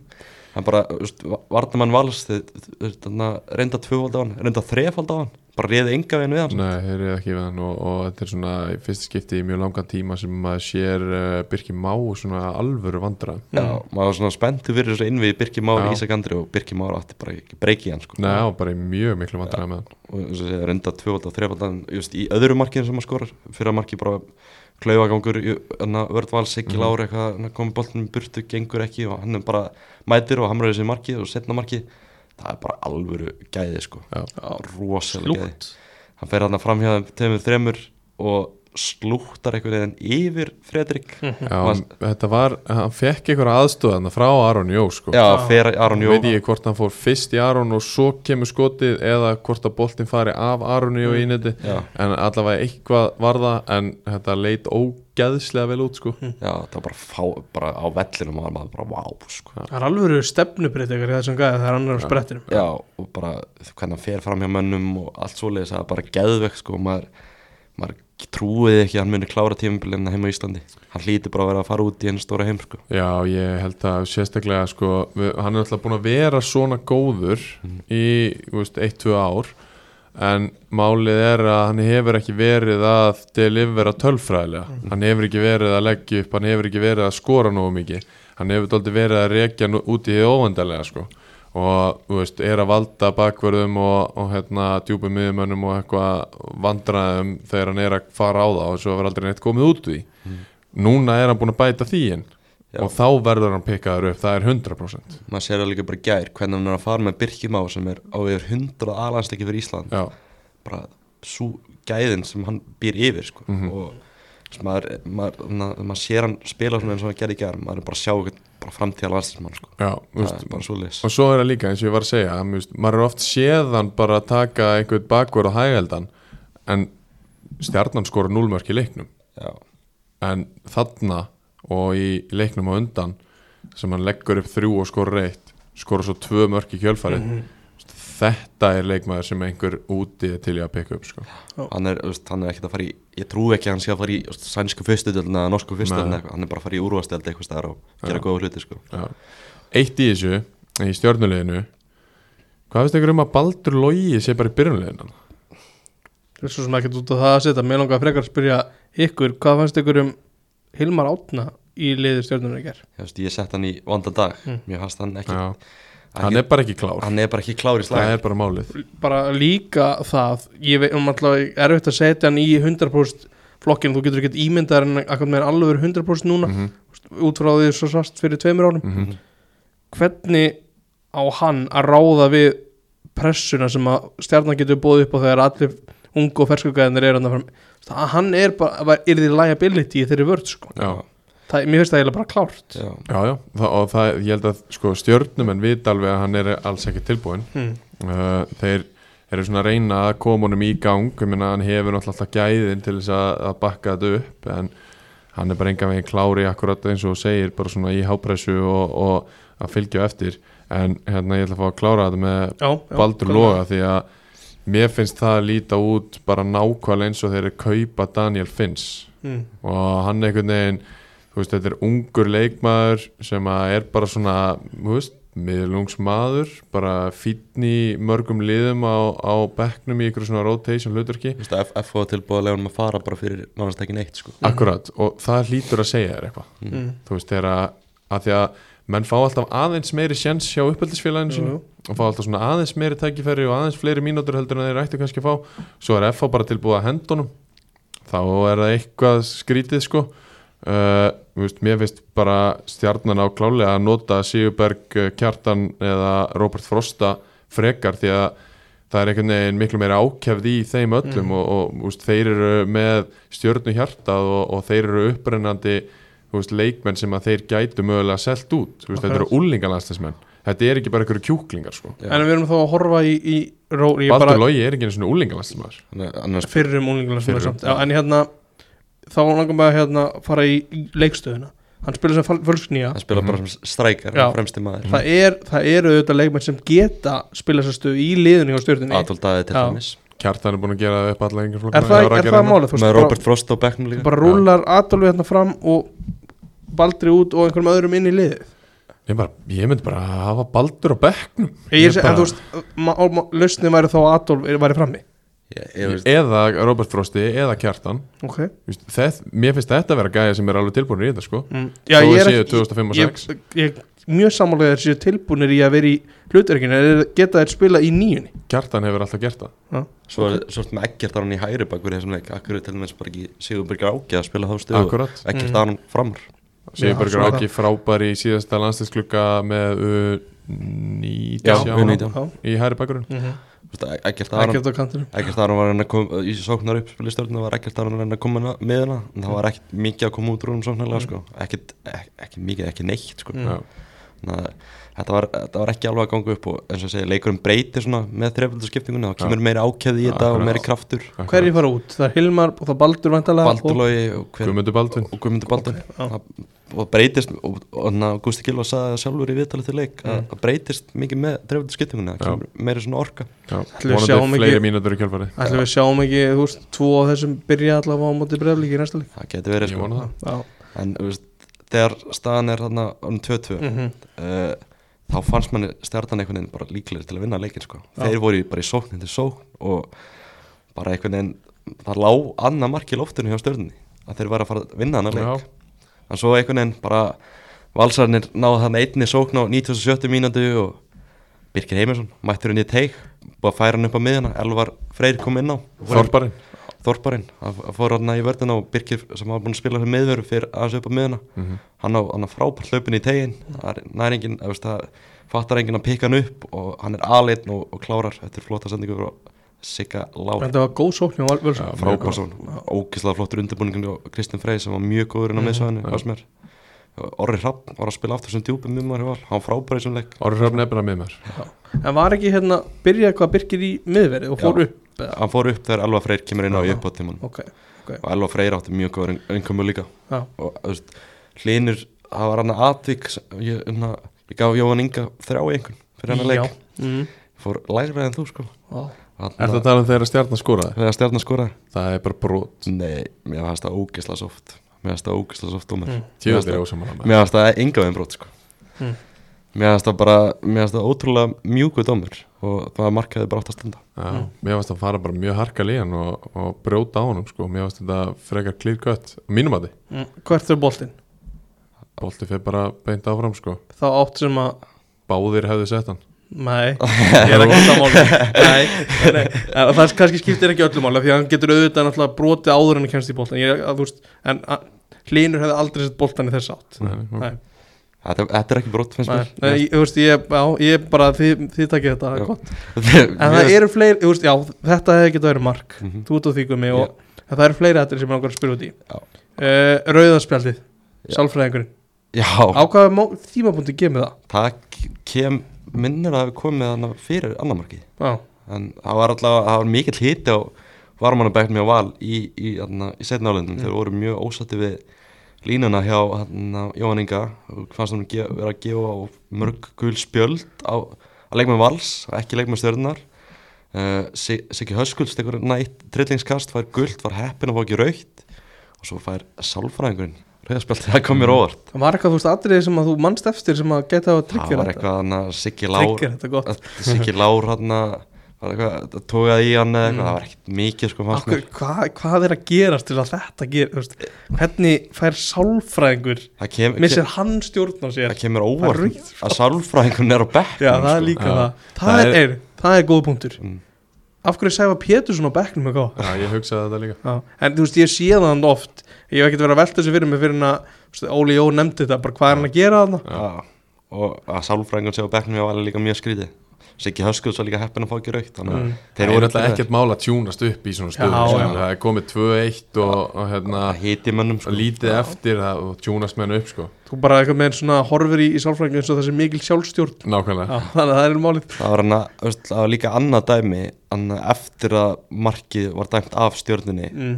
þá átti Sigurbergur ákveð að fá rauðspjald ég er já, það var aðtilsvært Já. aðri þegar einhvern grípur í Aron Jó veginn svona, hann þarf ekkert að gera það sko. og, og þetta virðist alveg vera högg þegar hann Já. grípur í hann sko. Setur hendina, vinstra hendina út og veist, bara slæra Aron Jó, þetta er bara rauðspjald og, sko. veist, og þarf ekki að gera þetta það er það er ekki svona engin tilgangur að hann er bara að hlaupa og svo er það hérna, veist, út með hendu og ég sker ekki neitt og svona, þetta er bara alveg kjánalegt sko. sétt hásir í gangi hérna, sko. Já. líka bara eitthvað kjúklingur að koma hann inn á og slá Aron Jó sko. Eh, mjög fyndið Elva Freyr, af hverju byrjaði hann ekki líka Ég held að hafi bara ekki verið alveg tilbúin í 90 sko og kannski ástæða líka Birkir Heimis og, og Hlynur Freyr búin að spila bara mjög vel í sístu allavega á móti fram. Sérstæðleika og þeir spilu, hans þeir spila bara greiðlega vel líka í þessum leik sko og ekki þannig sé við þá að saka sko. Helga Freyja hefur örugglega verið planið að setja hann ekki inn á sko. Já, Mm. bara Það kemur inn á 90 Já. og svo, þú veist, Haugur Páll var líka mættur á bekkin og þannig að stýttist þetta í Hólmarörn Já, Mm. maður veit samt ekki, maður hefur heyrt það núna nokkru sinnum að stýttist þetta í hann sá hann annan hlýðar en þetta gera, ég veit ekki hvernig hann kemur aftur inn í liði sko. En mér finnst þeir búin að leysa þetta vel þarna, þrýr, uh, Hlinur, Birkir og, og Óri Hrapp Mm. þannig að ég hugsa að hann sé ekkert að fara að breyta hann eitthvað rosalega snemma úr þessu sko. Man, manni líður svona pínu eins og Arnar og Siggi séu svona að finna sitt lið einhvern veginn. Já, og þú veist, þetta lið er að spila vel akkur svona breyta því einhvern veginn. Mér finnst þetta nóbreynir fyrir Birki Heimis Mm. Mér finnst hann hérna, hafa allt sem að Hafsend þarf á að halda sko. uh, góðar sendingar upp völlin og óhrættur við að taka þér uh, með góða langa spinnur og, og flottur í loftinu veist, góðar að staðsetja sig hefur oft spila Hafsend með undir 21 ásliðinu og einhvern veginn svona hefur allt eins og segi sem að, sem að Hafsend þarf að hafa og, og, og ég held að þetta geti alveg verið staða sem að hann ætti að fara að horfa aðeins í sko. Já, því. mennur færðilega líka að tala um Hlyn Frey sem er ekki náttúrulegur hafsend heldur Já, sem bara, þú veist, hann er að sína hann er ógeðslega fjölhauða leikmaður Já. getur leist marga stuð, mennur færðilega að tala um hann sem henni íslenska Tom Huddleston já ok, það er bara hann okay. Ha, já, það er það er bara svo leis hvað er að sjá hann það eins bara sendingarnar og íslenski Tom Huddleston Ég horfði rifja Tom Huddleston var manni bara einhverju svona rist, einhverju ristaspinnu fyrir teig og þannig að spurning hvort þegar, það sé með það sko. þegar Hlínu Freyr verður 28 ára og verður hann fyrirlið KH bara út fyrirlin svona í varaliðinu. Já, já, það var með að við svona hvernig fyrirlin hjá Huddleston hann er náttúrulega að gera frábær hluti í varlið United já. já. það er svo leis, hann er að standa sér frábæla en hérna uh, þú sást þennan leikum mig og varst á vellinum Mhm. Guðmundur Andri átti hann að fá spjald fyrir díu um, já og svona maður svona, þetta er annar leikur í rauð, þú ert á báðan leikunum Já. sko, hvernig ertu að sjá þetta? Mér finnst, finnst það, mér finnst leiðilegt að sjá þetta Mm. og mér finnst hann, mér finnst það gerast oft hjá hann og hann er að fara allt og öll niður í tegnum Þannig að í framleiknum átt hann að fá vítaspinnu sem var ekki vítaspinna Þannig að eftir einhvern mm. þryggja fjórum metna leik það var vítaspinna Mhm. Setna aðtekið sem var svo dæmt vítaspinna var ekki vítaspinna Þar fer hann allt og öll niður og hann viðkjönda sjálfur eftir leik heyrði ég. og í þessum leik hann er náttúrulega aðtekan í fyrirleiknum eins og þetta tala um þar sem hann fer allt og öll niður það átti, eins og eins og Óli Jó talaði um í stúkunni ger það átti bara að spjálta fyrir það Rána er að hann sem fyrir um þjálfari Guðmundur sé að segja þetta sko. Heldur ekkert aftur sko. Ég fekk ekkert eitthvað þannig dífuvæp við þetta, við þetta dettur hann og allt það en, en hann var ekkert einhvern veginn samt að, að brjálast yfir því að fá ekki víti. Þetta var Mhm. bara, það var bara svona það var bara svona samstuð skilur og hann, veist, menn geta alveg líka dottið á þess að vera að hoppa niður þannig að mér fannst, eh, mér fannst hann ekki vera svona að reyna að sækja víti að því að kom smá snerting heldur bara svona að mista hann aðeins jafnað og datt framfyrir sig. Mér veist Guðmundur Andersson veist, hann verður að fara að passa þessi svona. Já, algjörlega, Það er- það er, ég er alveg sammála því sko. Það er, það er svona styttist í að fara að koma svona stempill á hann. Já, Já. að veist, fara allt öðrulega neyri í tegnum. Hann verður að passa þetta sko. eitthvað, þú veist, eitthvað, eitthvað gífilega áhugavert í viðtölum eftir leik Um, mér finnst það áhört að greinilega þessu þjálfara vals eru fannir að heyra umræðina sko. að það hefur verið eitthvað svona umræðum valur sem spila leðilegan fótbolta og eitthvað. Mér finnst ég farið á síðustu tvoleiki vals mér finnst það alls ekki, mér finnst það að spila þú veist, góðan fótbolta. Nei, og tölfræðin eins og Siggi Höskuld saði, bakkar það. Já, hún, hún gerir það. Og ég hef alveg, þú veist, ég sá það eftir fyrstu tvo leikina þá, hérna, þá var farið yfir tölfræði þættina með mér þar sem að þeir voru hérna, mjög ofalega í mjög mörgu sem þú vilt að lið sem spila góðan fótbolta sé Mhm. og hérna það er alveg rétt hjá honum að tölfræðin er að bakka upp að þið sé að spila fína fótbolta sko. mm. þannig að hann er ekkert að bulla hann og er ekkert eitthvað að reyna að afvega leið eitthvað umræði því að það er bara rétt Ég var ánægðar hérna Arna Gretarsson fór í viðtali á Stötu Sport Mhm. Já, hann var komið með XG bara í Já, það bara, já, þannig eru menn að vinna heima Já. sko. þetta var svona körboltadæmis bara Já. klár, þetta er já, eins og fegst bara skýsli í hendur hann fór inn í klefa fyrst og tjekka á þessu og svo kom hann út sko. þetta er það ég sko. Uh, eitt sem að við erum að gleyma hérna já, hvað er með það það er fyrsta marki sem að Andri Rúnar skorar já, Mhm. hvað er Daniel Lagstall að gera út í hotni? Ég, sjá þetta? nei, ég veit, ég veit ekki hvað hann staðsettur í þessu marki sko. Hvað hérna sko Guðmundur Andri held ég dettur og er einhvern veginn með boltan hana og eða hvort það er Siggi Lára annarkvort og Daniel Lagstall svona bara hættir heldur að boltin sé að fara út af já, já, já, já, ég man, já, en, en valsmenn ná að halda honum inn á og Mhm. Daniel svona stendur einhvern veginn og horfir á hann og sendi ekki kemur út, Aron Jó setur hann í teig, mark. Það skrýtnaði einmitt, já, da Daniel gerir ekkert þegar. Guðmundur Andri dettur. Nei, það er, já, ég er saman heldur að það sé að fara út atriði. þetta var ógeðslega skrítið sko. er bara fyrst og fremst líka þetta var bara frábær fótballtalíkur já, ógeðslega gaman að horfa á Mm. þetta og skemmt ekki að þetta var bara lögataskvöldi og frábærum tíma og mikil stemning. Ég veit að þetta er kannski beint á uh, flöskuborða át og eftir Ég, þetta er kannski svona eitthvað er kannski voru gamall og leiðilegur en mér finnst þetta betra heldur en að sjá 5-4 í Garðabænum um dag mm. þetta miklu betri leikur. Já, já, Já, það er klárt. Algjörlega. Algjörlega. geði En stjörnuliði, þeir eru með þrjú stið eftir fjóru leiki. Já, Það er ágefni já, og, hvað er það? og kannski einhverju sem eru farin að tala um að sé, kannski að svona aðeins fara að hitta undir þjálfurinn Mm, ég held að Gusti Gílu hafi verið fyrstur til þess að fara. Mm, ok, ég held að ég held að hérna, Gusti fari og Jökull taki við. Ég held það. En af hverju er það laust? af því að þá hérna, það er allt öðru sér nálgun hjá Jökli heldur en Gústi Gilva Hann heldur ekki að þetta sé nálgunin þessu jökul sem er í gangi núna? Að einhverju leiti jú. Já, en ekki algjörlega. ekki, ekki algjörlega, alls ekki.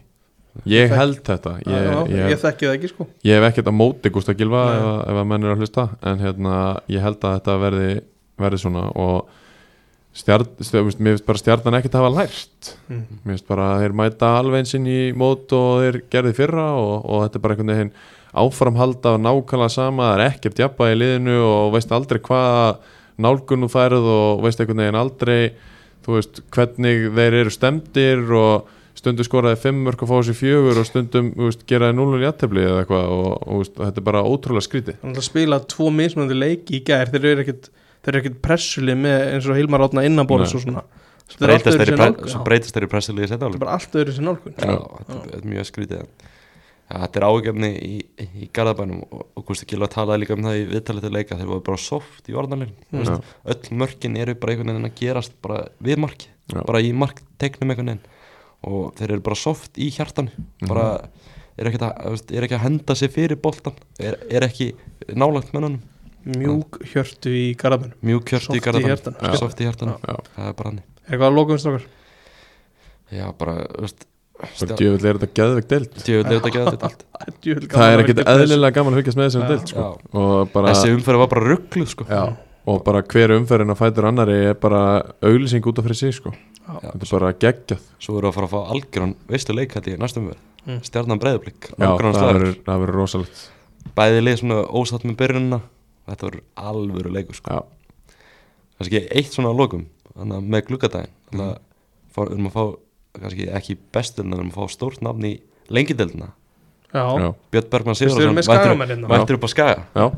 Hvernig var bara við, þú veist, þú kannski viss, ég veit ekki hvort þú vissir á tíðandurum en hvernig var að bara sjá þetta? Uh, ég vissi að þetta væri bígerð og vissi reyndar ekki að þetta væri staðfest fyrir en að ég sá bara fréttina hjá ykkur. Mm.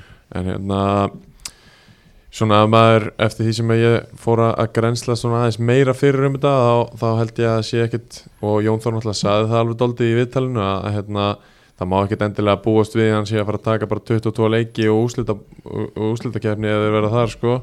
Uh, hann er, hann kemur held ég til móts við liðið í, í júni-júli ég held að það sé frekar í byrjun júli Mm.